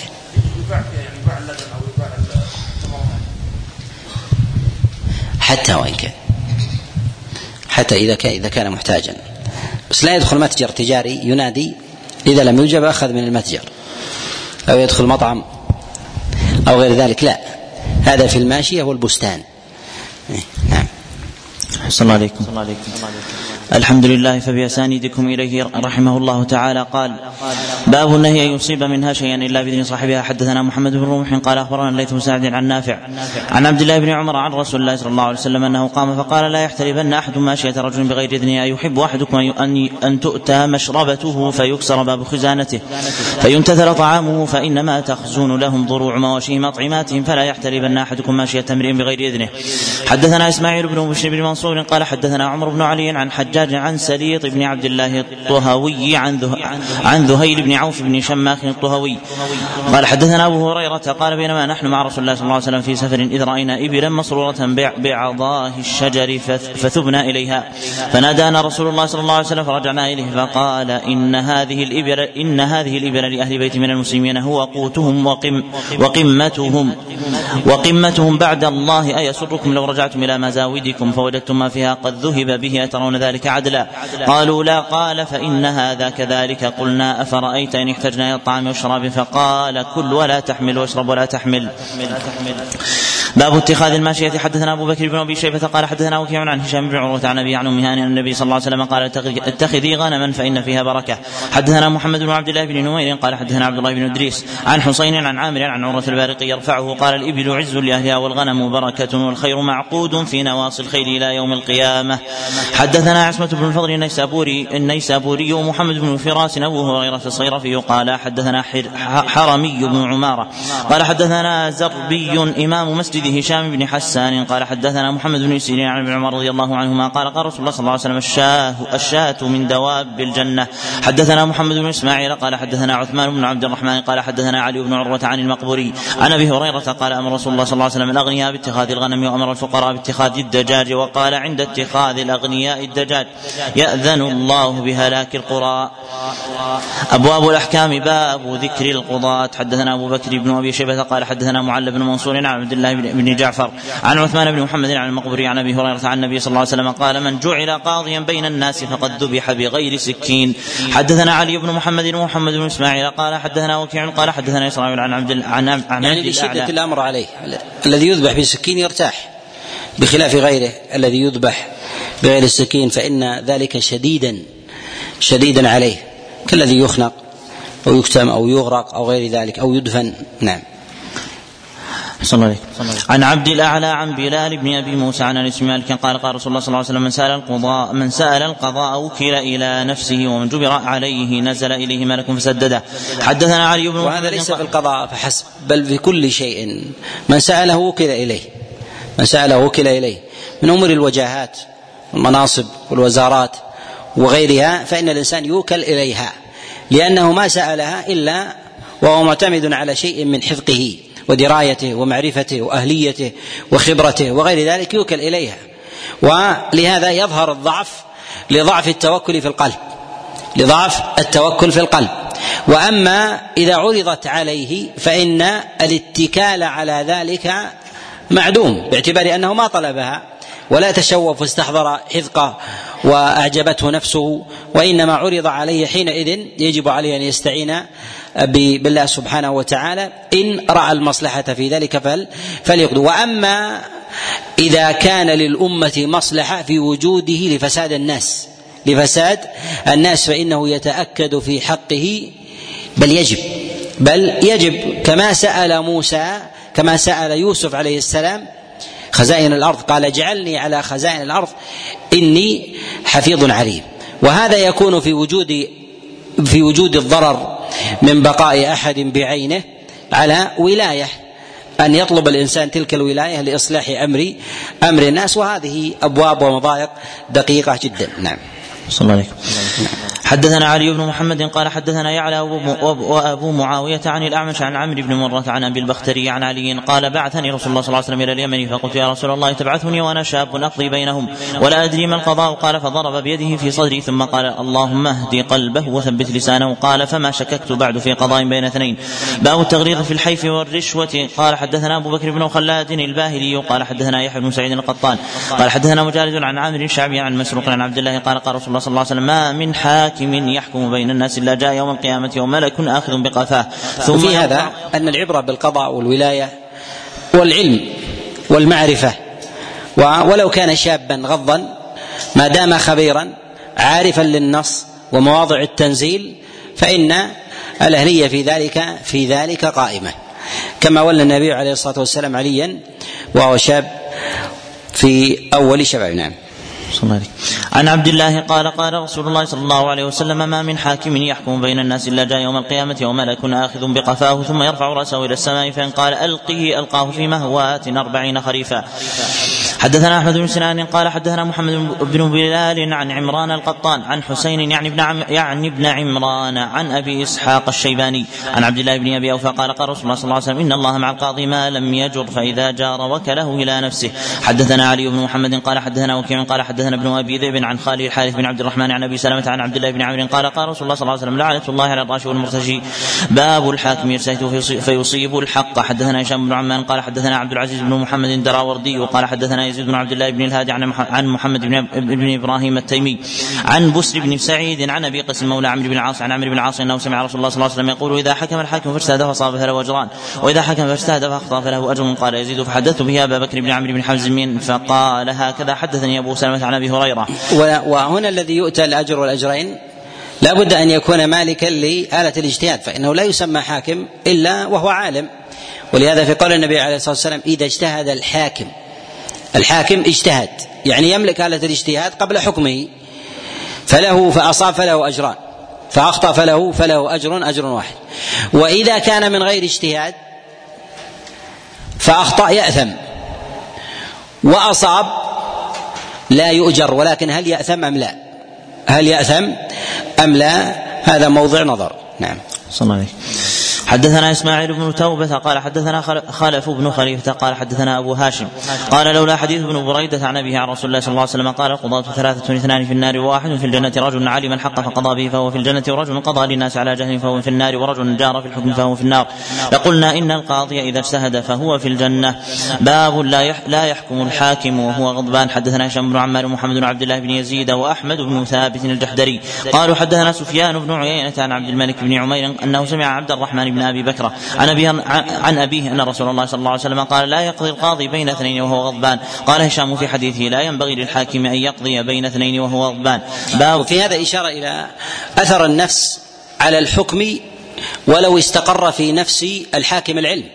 لأنه عالم يعني الغضب يؤثر على علمه فيخرج حكما لا يخرجه لو كان راضيا مطمئنا. وهذا أن نفوس الناس لها أثر في تحويل الحق إلى الباطل والباطل إلى الحق. ولهذا ينبغي للإنسان ألا يقضي بين اثنين وألا يقضي أيضا في المعاني إلا والنفس متجردة سليمة من أي ميل سليمة من أي ميل أو حيف. ولهذا نقول إنه ما من أحد إلا إلا وهو قاض.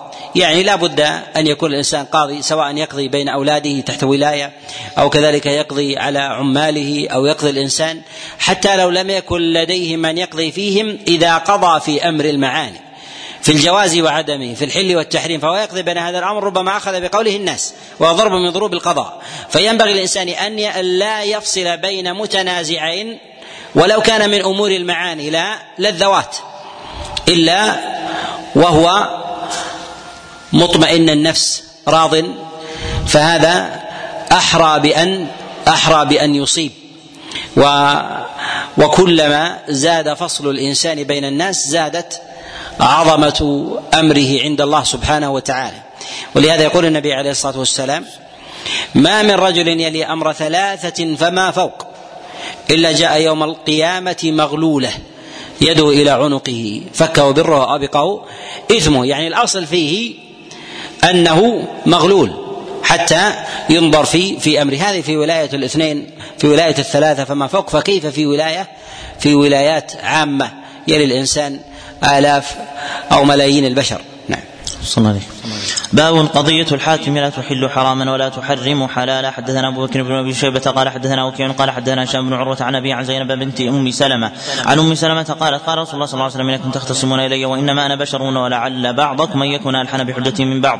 وإنما أقضي بينكم على نحو مما أسمع منكم. فمن قضيت له من حق أخيه شيئا فلا يأخذه فإنما أقطع له قطعة من النار يأتي بها يوم القيامة. حدثنا أبو بكر بن أبي شيبة قال حدثنا محمد بن بشر قال حدثنا محمد بن عمرو عن أبي سلمة بن عبد الرحمن.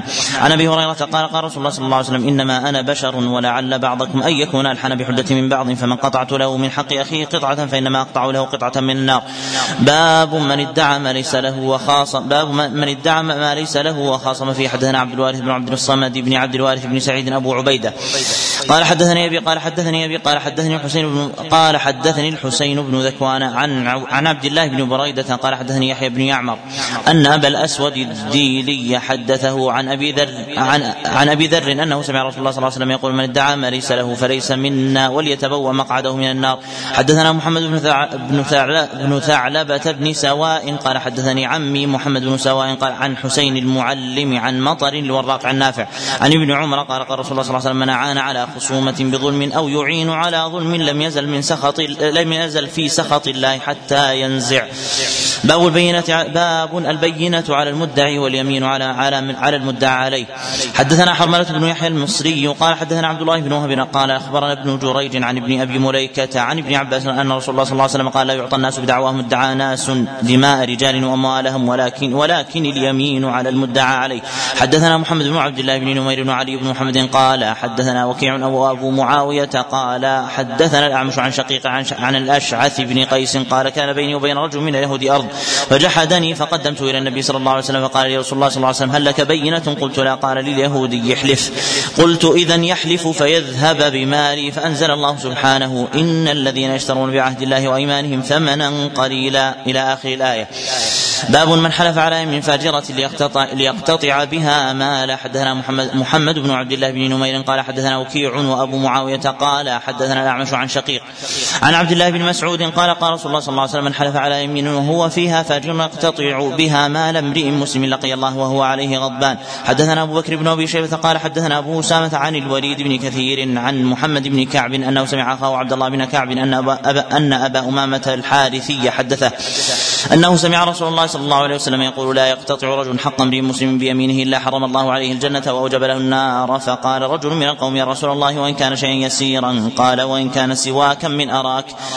باب اليمين عند مقاطع الحدود. حدثنا عمرو بن حدثنا وهذا يدل على أن إطلاق السواك لا يراد به عود الأراك قصدا وإنما هو أحد أنواعه. وإنما هو أحد أحد أنواعه. ولهذا قال سواكا من أراك وجاء في لفظ قضيبا من أراك. نعم. صلى عليك حدثنا عمرو بن. حدثنا عمرو بن رافع قال حدثنا مروان بن معاوية حا وحدثنا أحمد بن ثابت الجحدري وقال حدثنا صفوان بن عيسى قال حدثنا هاشم بن هاشم عن عبد الله بن نسطاس عن جابر بن عبد الله قال قال رسول الله صلى الله عليه وسلم من حلف بيمين آثمة عند منبر هذا فليتبوأ مقعده من النار ولو على سواك أخضر حدثنا محمد بن يحيى وزيد بن مخزم قال حدثنا قال حدثنا الضحاك بن مخلد قال حدثنا الحسن بن يزيد بن فروخ قال قال محمد بن يحيى وهو, وهو أبو يونس القوي قال سمعت أبا سلمة يقول سمعت أبا هريرة رضي الله عنه يقول قال رسول الله صلى الله عليه وسلم لا يحلف عند لا يحلف عند هذا المنبر عبد ولا أمة على يمين آثمة ولو على سواك رطب إلا وجبت له النار. والأيمان تغلظ وذلك بحسب الزمان والمكان وكذلك أيضا اللفظ بحسب الزمان والمكان واللفظ. المكان الذي يحلف عند منبر النبي عليه الصلاة والسلام أو في حرم فهذا أغلظ من غيره. وفي الزمان الذي يحلف بعد العصر. مثلا أو في زمن عظم الله عز وجل فيه العمل. ومما يعظم اليمين الثالث هو اللفظ أن يتلفظ بشيء عظيم وذلك أن يقسم بتعدد أسماء الله عز وجل يخلف يختلف عمن يقسم باسم واحد وذلك ذلك أغلظ. عليه أو الذي يدعو على نفسه بشيء عظيم من الموبقات أو نحو ذلك فهذا أعظم يرجع في ذلك إلى إلى اللفظ وتعظيمه. نعم. باب بما يستحلف يستحلف أهل الكتاب. حدثنا علي بن محمد قال حدثنا أبو معاويه عن الأعمش عن عبد الله بن مرة عن البراء بن عازب أن رسول الله صلى الله عليه وسلم دعا رجلا من علماء اليهود فقال أنشدك بالله الذي أنزل التوراة على موسى. حدثنا علي بن محمد قال حدثنا أبو سامة عن مجاهد قال أخبرنا عامر عن جابر بن عبد الله أن رسول الله صلى الله عليه وسلم قال ليهوديين نشدتكما بالله الذي أنزل التوراة على موسى عليه السلام. باب باب الرجلان يدعيان السلعة وليس بينهما بينة. حدثنا أبو بكر بن أبي شيبة قال حدثنا خالد بن الحارث قال حدثنا سعيد بن أبي عروبة عن قتادة عن خلاس عن أبي رافع عن أبي هريرة أنه ذكر أن رجلا ادعيا دابة ولم يكن بينهما بينة فأمرهما النبي صلى الله عليه وسلم أن يستهما على اليمين. حدثنا إسحاق بن منصور ومحمد بن معمر وزهير بن محمد قالوا حدثنا روح بن عبادة قال حدثنا سعيد عن قتادة عن سعيد بن أبي عن سعيد بن أبي بردة عن أبي عن أبي موسى أن رسول الله صلى الله عليه وسلم اختصم إليه رجلان بينهما دابة وليس لواحد منهما بينة فجعلها بينهما نصفين. وذلك عند اجتماع الدعوى وكذلك انتفاء البينات وانتفاء القرائن. إذا انتفت البينة والقرائن فإن الإنسان حينئذ يجعل المدعي والمدعى عليه يستهمان في اليمين وذلك عند انتفاء البينة وانتفاء وانتفاء القرائن. بل القرائن إذا تعددت وتشعبت ربما تكون أظهر عند الإنسان من البينة. أظهر عند الإنسان من البينة. والقرائن تكون إما في لحن القول أو كذلك أيضا باجتماع أشياء متعددة منها ما يتعلق بالمدعي ومنها ما يتعلق بالمدعى عليه. وأظهر البينات هي فلتات لسان الإنسان. ولهذا كان شريح وقضاؤه في ذلك ظاهر بأمور بأمور القرائن. ومن أراد معرفة القرائن وطريقة الاستنباط فلينظر في الآثار الواردة عن شريح في هذا فله أثر وسبق في ذلك. وكان عليه رحمة الله يقضي بين اثنين فعرف من لحن الشخص أن أنه كاذب فقضى عليه فقال لما تقضي علي؟ ولم يكن لديك بينة؟ قال عندي بينة وش قال شاهد. قال من هو الشاهد؟ قال ابن أخت خالتك. يعني أنت. ابن أخت خالتك يعني أنت شهدت على نفسك عندي من حيث لا تشعر أنك أنك كاذب فقضى فقضى عليه. وابن أخت الخالة هو أنت. نعم. صلى الله عليه باب من سرق له شيء فوجده في يد رجل اشتراه. حدثنا علي بن محمد قال حدثنا أبو معاوية قال حدثنا حجاج عن سعيد بن عبيد بن زيد بن عقبة عن أبي عن سمرة بن جندب. قال قال رسول الله صلى الله عليه وسلم إذا ضاع للرجل متاع أو سرق أو سرق له متاع فوجده في يد رجل يبيعه فهو أحق به ويرجع المشتري على البائع بالثمن.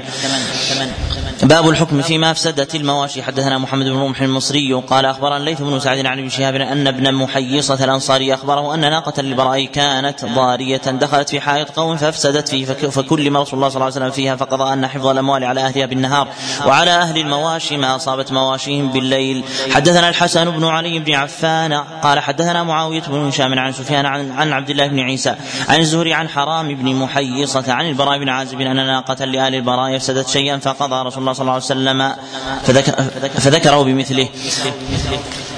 باب الحكم باب الحكم في من كسر شيء. حدثنا أبو بكر بن شيبه قال حدثنا شريك بن عبد الله عن قيس بن وهب عن رجل من بني سواءة قال قلت لعائشة أخبريني عن خلق رسول الله صلى الله عليه وسلم. قالت أو ما تقرأ القرآن وإنك لعلى خلق عظيم. قالت كان رسول الله صلى الله عليه وسلم مع أصحابي فصنعت فصنعت له طعاما وصنعت حفصة له طعاما. قالت قالت فسبقتني حفصة فقلت للجارية انطلقي فأكفي ما فأكفي قصعتها فلحق فلحقتها وقد همت أن تضع بين يدي رسول الله صلى الله عليه وسلم فأكفأتها فانكسرت القصعة وانتشر الطعام فقالت فجمعها رسول الله صلى الله عليه وسلم وما فيها من الطعام على النطع فأكلوا ثم بعث بقصعته فدفعها إلى حفصة فقال خذوا ظرفا مكان ظرفكم وكلوا ما فيها قالت فما رأيت ذلك في وجه رسول الله صلى الله عليه وسلم.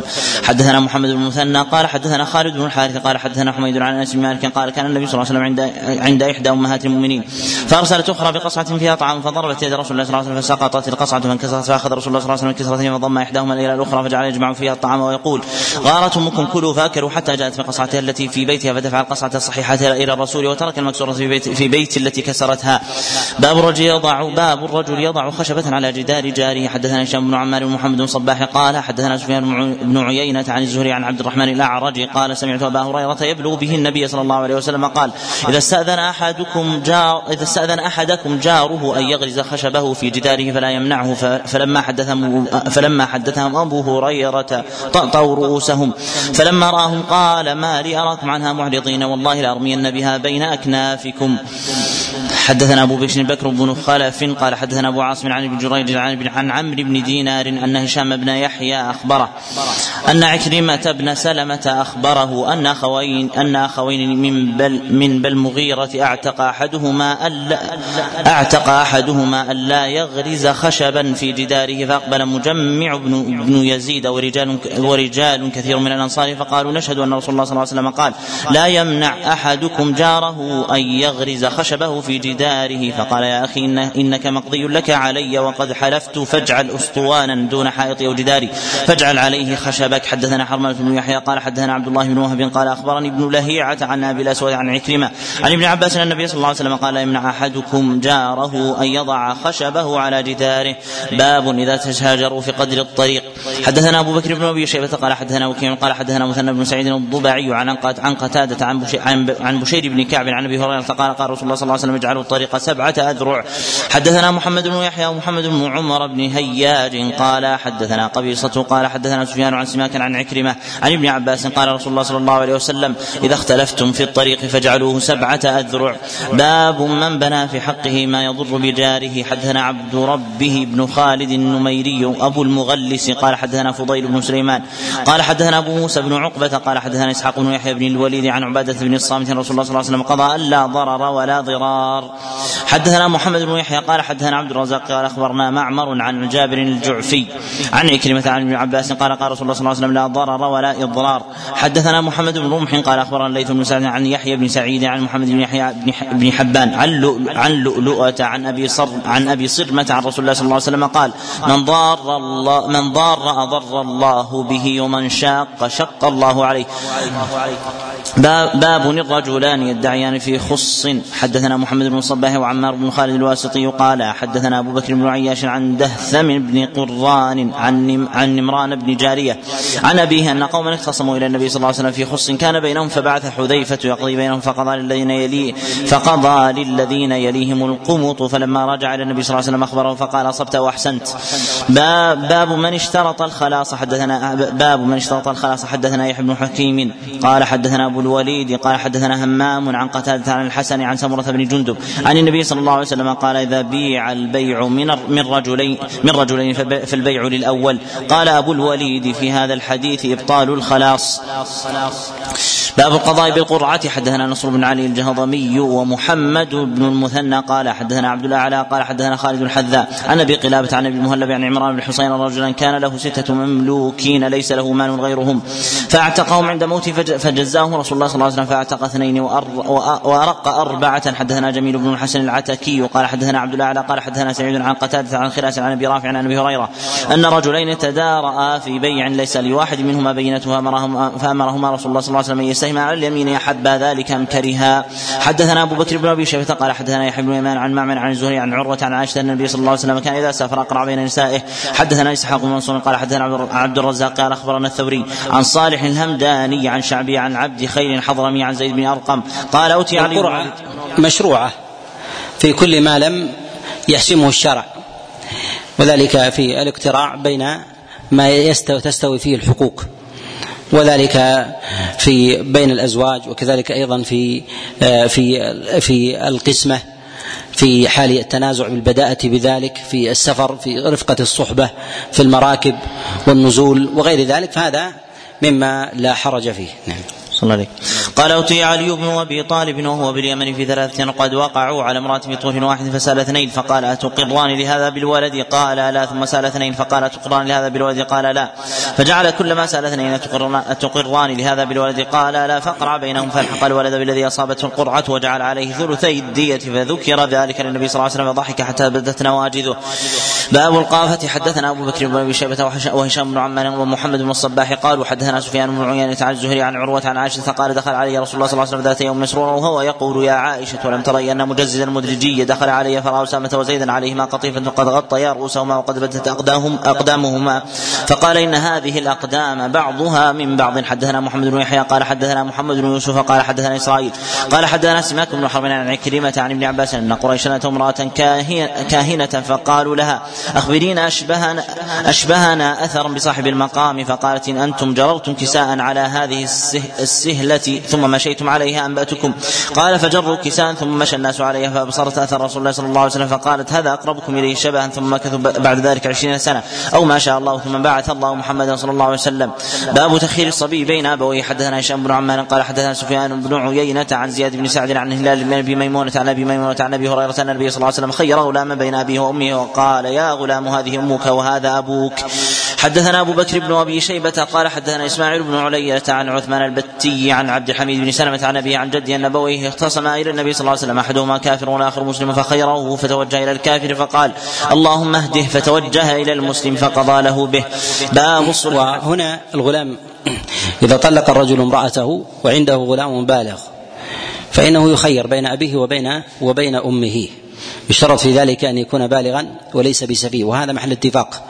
وقد نقل اتفاق الصحابة عليهم رضوان الله تعالى على ذلك غير واحد كابن قدامة عليه رحمة الله. ما لم تتزوج المرأة. إذا تزوجت بعد زوجها فهي في قوامة رجل آخر وحينئذ تكون يكون الأمر إلى إلى أبيه. بسم الله الرحمن الرحيم.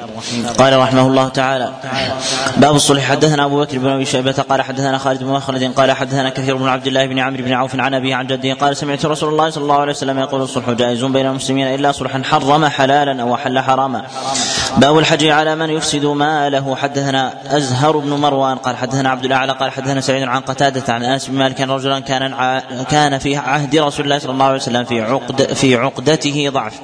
وكان يبايع ان اهله اتوا النبي صلى الله عليه وسلم فقالوا يا رسول الله احجر عليه فدعاه النبي صلى الله عليه وسلم فنهوا عن ذلك فقال يا رسول الله إني لا أصبر عن, البيع فقال إذا بايعت فقل ها ولا خلابه حدثنا أبو بكر بن أبي شيبة قال حدثنا عبد الأعلى عن محمد بن إسحاق عن محمد بن يحيى بن حبان قال هو جدي منقذ بن عمرو وكان رجلا قد أصابته آمة في رأسه فكسرت لسانه وكان لا يدع على ذلك التجارة فكان لا يزال يغبن. فأتى النبي صلى الله عليه وسلم فذكر ذلك له فقال له إذا أنت بايعت فقل لا خلابه ثم أنت في كل سلعة ابتعتها بالخيار ثلاث ليال فان رضيت فامسك وإن سخطت فردد فرددها على صاحبها على صاحبها. باب تفليس المعدم والبيع والبيع عليه لغرمائه حدثنا أبو بكر بن أبي شيبة قال حدثنا شبابة قال حدثنا ليث بن سعد عن بكير بن عبد الله بن أشد عن عياض بن عبد الله بن سعد عن عن, عن أبي سعيد الخدري قال أصيب رجل في عهد رسول الله صلى الله عليه وسلم في ثمار, ابتاعها فكثر دينه فقال رسول الله صلى الله عليه وسلم تصدقوا عليه فتصدق الناس عليه فلم يبلغ ذلك وفاء ديني فقال رسول الله صلى الله عليه وسلم خذوا ما وجدتم وليس لكم إلا ذلك يعني الغرماء. حدثنا محمد بن بشار قال حدثنا أبو عاصم قال حدثنا عبد الله بن مسلم بن هرمز عن سلمة المكي عن جابر بن عبد الله أن رسول الله صلى الله عليه وسلم خلع معاذ بن جبل من غرمائه ثم استعمله على اليمن فقال معاذ إن رسول الله صلى الله عليه وسلم استخلصني بمالي ثم استعملني ثم استعملني. باب باب من وجد متاعه بعينه عند رجل قد أفلس. حدثنا أبو بكر بن أبي شيبة قال حدثنا سفيان بن عيينة حا وحدثنا محمد بن روح قال أخبرنا ليث بن سعد جميعا عن يحيى بن سعيد عن أبي بكر بن محمد بن عمرو بن حزم. عن عم عن عمر بن عبد العزيز عن أبي بكر بن عبد الرحمن بن حارث بن هشام عن أبي هريرة قال قال رسول الله صلى الله عليه وسلم من وجد متاعه بعينه عند رجل قد أفلس فهو أحق به من غيره. حدثنا هشام بن وهذا مما لا خلاف فيه. وقد قضى به عثمان بن عفان وعلي بن أبي طالب وقال الخطابي لا خلاف عند أصحاب رسول الله صلى الله عليه وسلم في هذا الإنسان إذا وجد متاعه بعينه عند رجل قد أفلس فهو أحق أحق به. نعم. صلى عليه حدثنا هشام بن عمار قال حدثنا إسماعيل بن عياش عن موسى بن عقبة عن الزهري عن أبي بكر بن عبد الرحمن بن الحارث بن هشام عن أبي هريرة النبي صلى الله عليه وسلم قال أيما رجل باع سلعة فأدرك سلعته بعينها عند رجل قد أفلس ولم يكن قبضا من ثمنها شيئا فهي له وإن كان قبضا من ثمنها شيئا فهو أسوة الغرماء حدثنا إبراهيم إبراهيم بن المنذر الحزامي وعبد الرحمن بن إبراهيم الدمشقي قال حدثنا ابن أبي فديك عن ابن أبي ذئب عن ابي المعتمر بن عمرو بن رافع عن أبي خلدة الزرقي وكان قاضيا بالمدينة قال جئنا أبا هريرة في صاحب لنا قد أفلس فقال هذا الذي قضى فيه النبي صلى الله عليه وسلم أيما رجل مات أو أفلس فصاحب المتاع احق بمتاعه إذا وجده بعينه. حدثنا عمرو بن عثمان بن سعيد بن كثير بن دينار الحمصي. قال حدثنا يمان بن عدي بن عدي قال حدثني الزبيدي محمد بن الوليد عن الزهري عن أبي سلمة. عن أبي هريرة قال قال رسول الله صلى الله عليه وسلم أيما أيما امرئ مات وعنده مال امرئ بعينه اقتضى منه شيئا أو لم يقتضي فهو أسوة الغرام أسوة للغرماء باب كراهية شهادة من لم يستشهد. حدثنا عثمان بن أبي شيبة وعمرو بن رافع قال حدثنا جرير عن منصور عن إبراهيم عن عبيدة السلماني عن عبيدة السلماني قال قال عبد الله بن مسعود سئل رسول الله صلى الله عليه وسلم أي الناس خير؟ قال قرني ثم الذين يلونهم ثم الذين يلونهم ثم يجيء قوم تبدر شهادة أحدهم يمينه يمينه شهادته. حدثنا عبد الله بن الجراح قال حدثنا جرير عن عبد عن عبد الملك بن عمير عن جابر بن سمرة قال خطبنا عمر بن الخطاب بالجابية فقال إن رسول الله صلى الله عليه وسلم قام فينا مثل مقامي فيكم فقال احفظوني في أصحابي ثم الذين يلونهم ثم الذين يلونهم ثم يفشو الكذب حتى يشهد الرجل وما يستشهد ويحلف وما يستحلف. باب الرجل عنده شهادة لا يعلم بها صاحبها. حدثنا علي بن محمد بن محمد بن عبد الرحمن الجعفي. قال حدثنا زيد بن حباب العكلي قال أخبرني أب أبي بن عباس بن سهل بن سعد الساعدي. قال حدثني أبو بكر بن عمرو بن حزم قال أخبرني محمد بن عبد الله بن عمرو بن عثمان بن عفان قال حدثني خالد بن زيد بن ثابت قال أخبرني عبد الرحمن بن أبي عمرة الأنصاري أنه سمع زيد بن خالد الجهني يقول إنه سمع رسول الله صلى الله عليه وسلم يقول خير الشهود من أدى شهادته قبل أن يسألها. باب الإشهاد على الديون. حدثنا عبيد الله بن يوسف الجبيري وجميل بن الحسن العتكي قال حدثنا محمد بن مروان العجلي وقال حدثنا عبد الملك بن بن أبي نضرة عن أبيه عن أبي سعيد الخدري قال تلا هذه الآية. يا أيها الذين آمنوا إذا تداينتم بدين إلى أجل مسمى حتى بلغ فإن أمن بعضكم بعضا. فقال هذه نسخت ما قبلها. باب من لا تجوز شهادته حدثنا ايوب بن محمد الرقي الرقي. قال حدثنا معمر بن سليمان حا وحدثنا محمد بن يحيى. قال حدثنا يزيد بن هارون.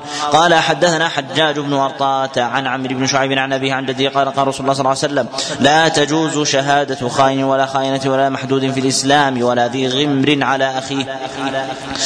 حدثنا حرملة بن يحيى قال حدثنا عبد الله بن وهب قال أخبرني نافع بن يزيد عن ابن الهادي عن محمد بن عمرو بن عطاء عن عطاء بن يسار عن أبي هريرة أنه سمع رسول الله صلى الله عليه وسلم يقول لا لا تجوز شهادة بدوي على صاحب قرية باب القضاء بالشاهد واليمين حدثنا أبو مصعب المديني قال.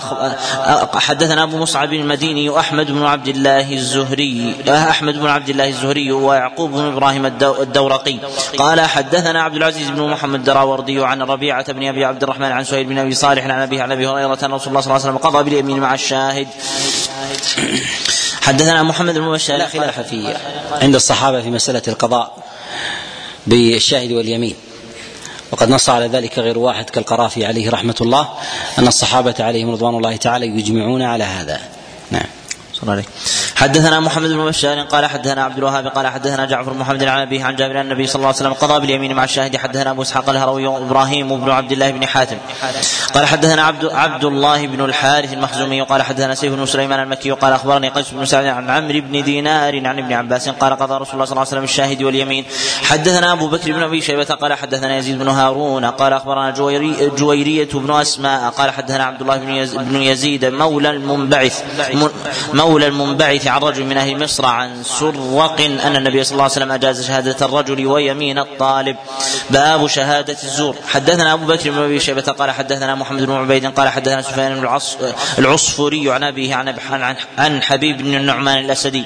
عن خريم بن فاتك الأسدي قال صلى النبي صلى الله عليه وسلم الصبح فلما انصرف قام قائما فقال عد عدلت عدلت شهادة الزور عدلت شهادة الزور بالإشراك بالله ثلاث مرات ثم تلا هذه الآية. واجتنبوا قول الزور حنفاء لله غير مشركين به. حدثنا سويد بن سعيد ولهذا نقل غير واحد الاتفاق على جواز التشهير بشاهد الزور.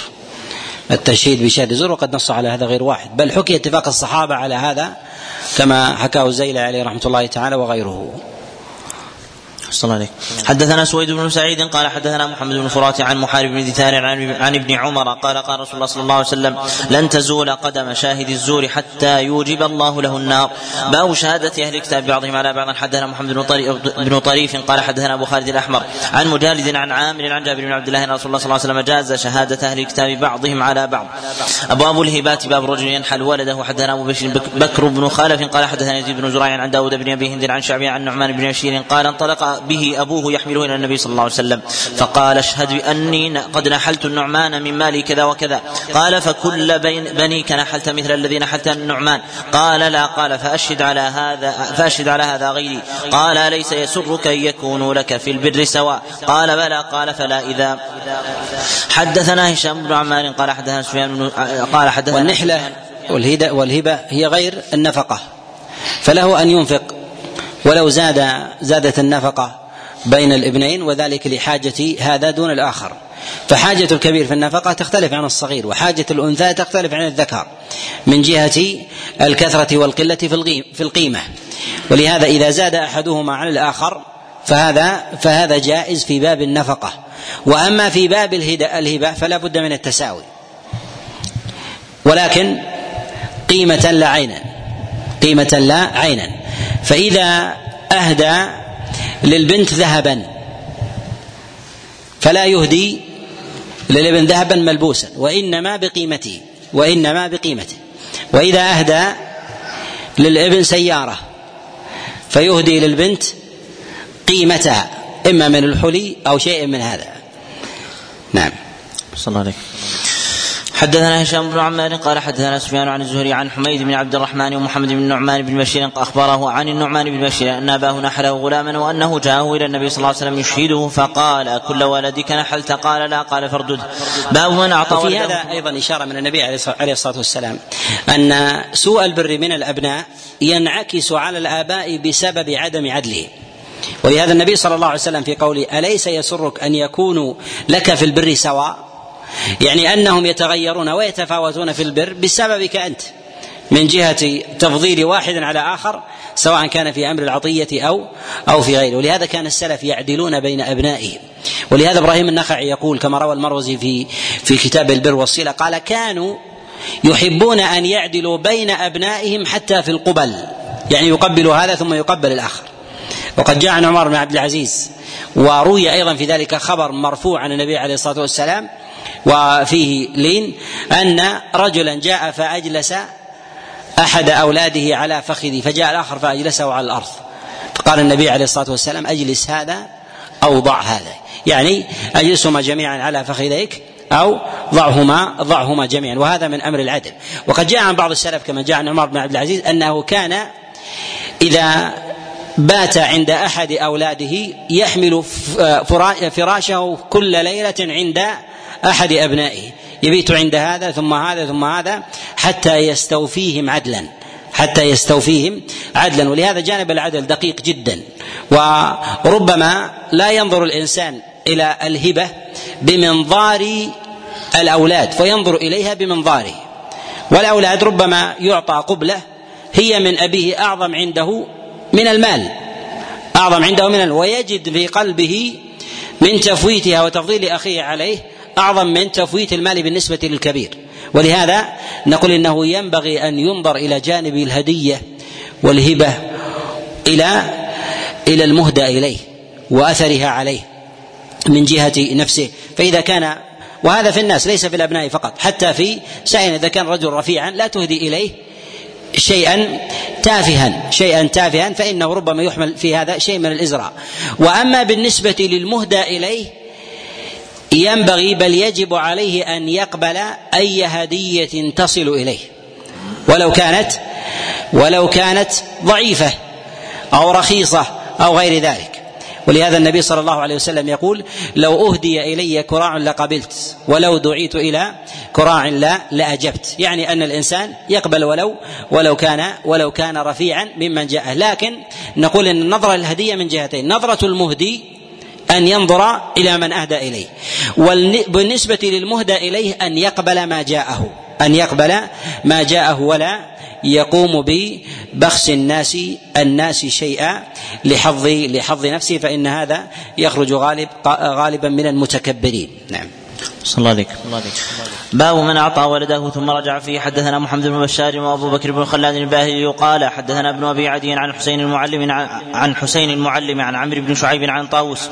عن ابن عباس بن عمر يرفعان الحديث عن النبي صلى الله عليه وسلم قال لا يحل للرجل أن يعطي العطية ثم يرجع فيها إلا الوالد فيما يعطي ولده.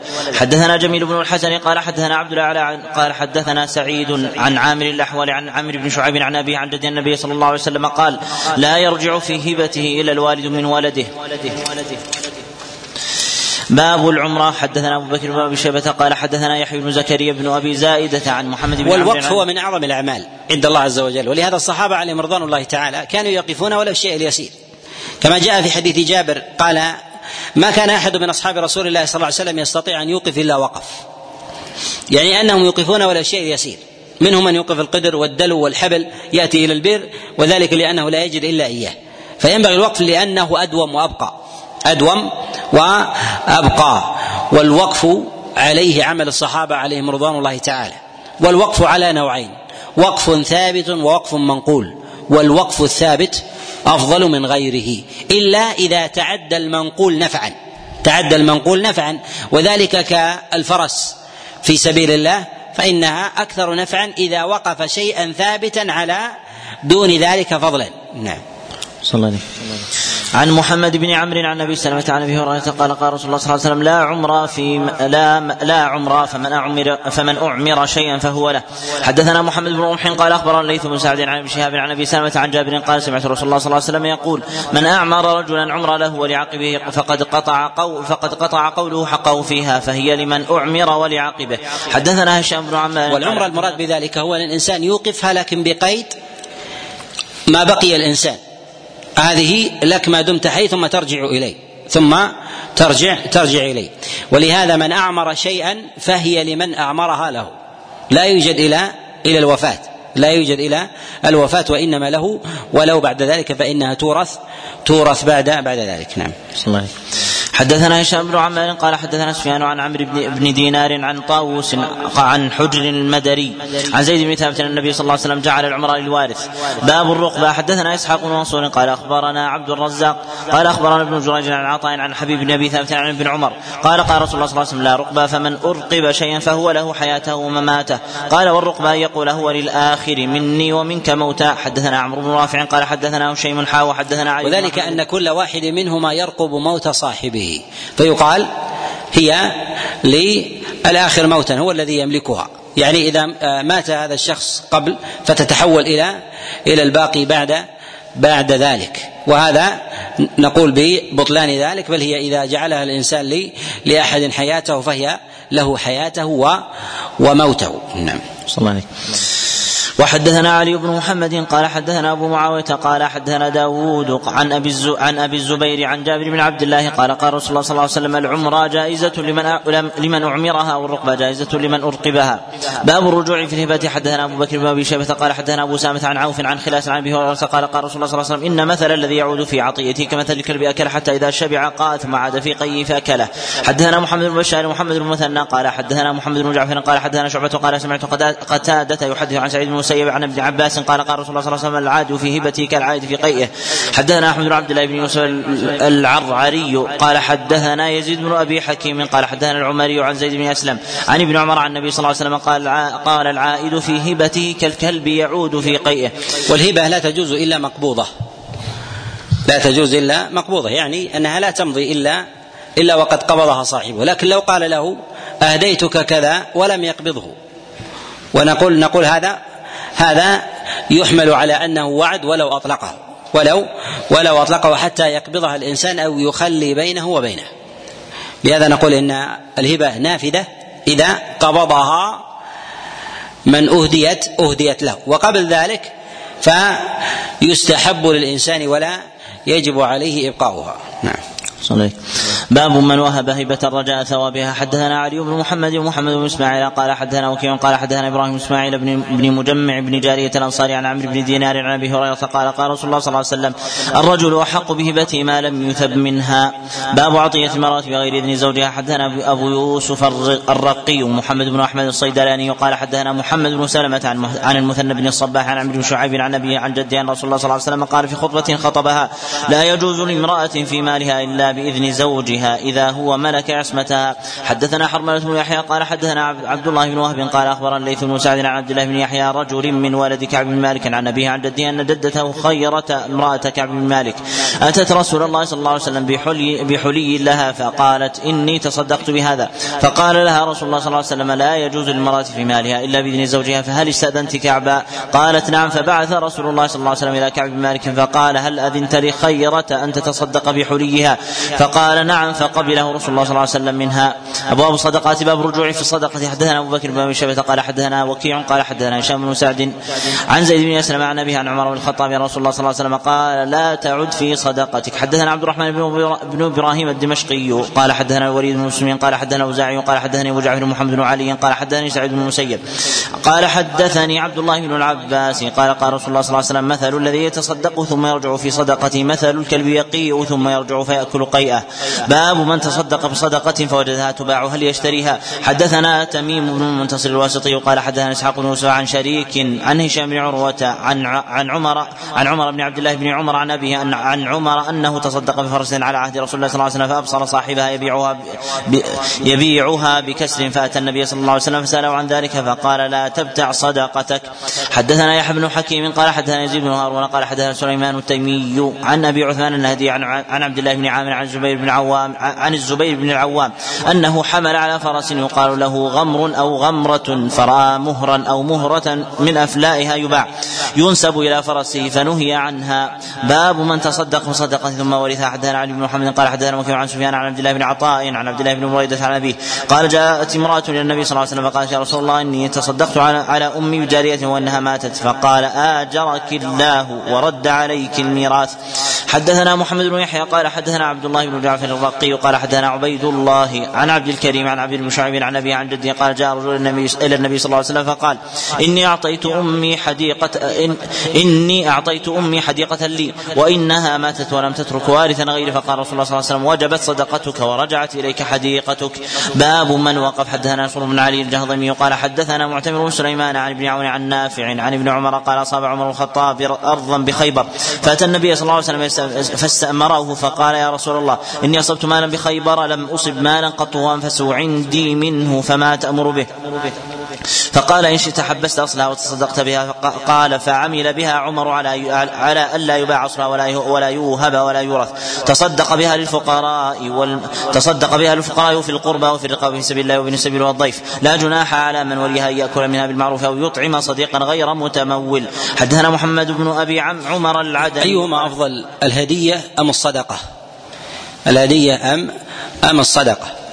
نقول إن الهدية أفضل في موضعها وهي أن تهدى لمن لا يقبل الصدقة أو لا تجوز في حقه الصدقة كحي رسول الله صلى الله عليه وسلم. أو لا يقبل الصدقة وهو محتاج للمال فيعطى هدية فيعطى هدية. فالهدية في حقه في مثل هذا أفضل من أفضل من من الصدقة. نعم. صلى الله عليك.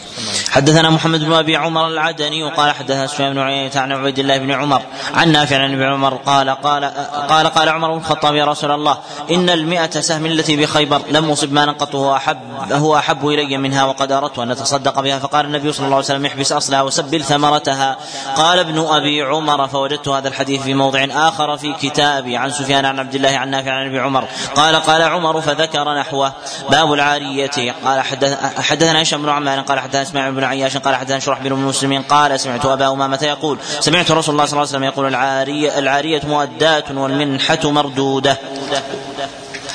حدثنا هشام بن عمار وعبد الرحمن بن إبراهيم الدمشقيان قال حدثنا محمد بن شعيب عن عبد الرحمن بن يزيد عن سعيد بن أبي سعيد عن أنس بن مالك قال سمعت رسول الله صلى الله عليه وسلم يقول العارية مؤداة والمنحة, والمنحة مردودة.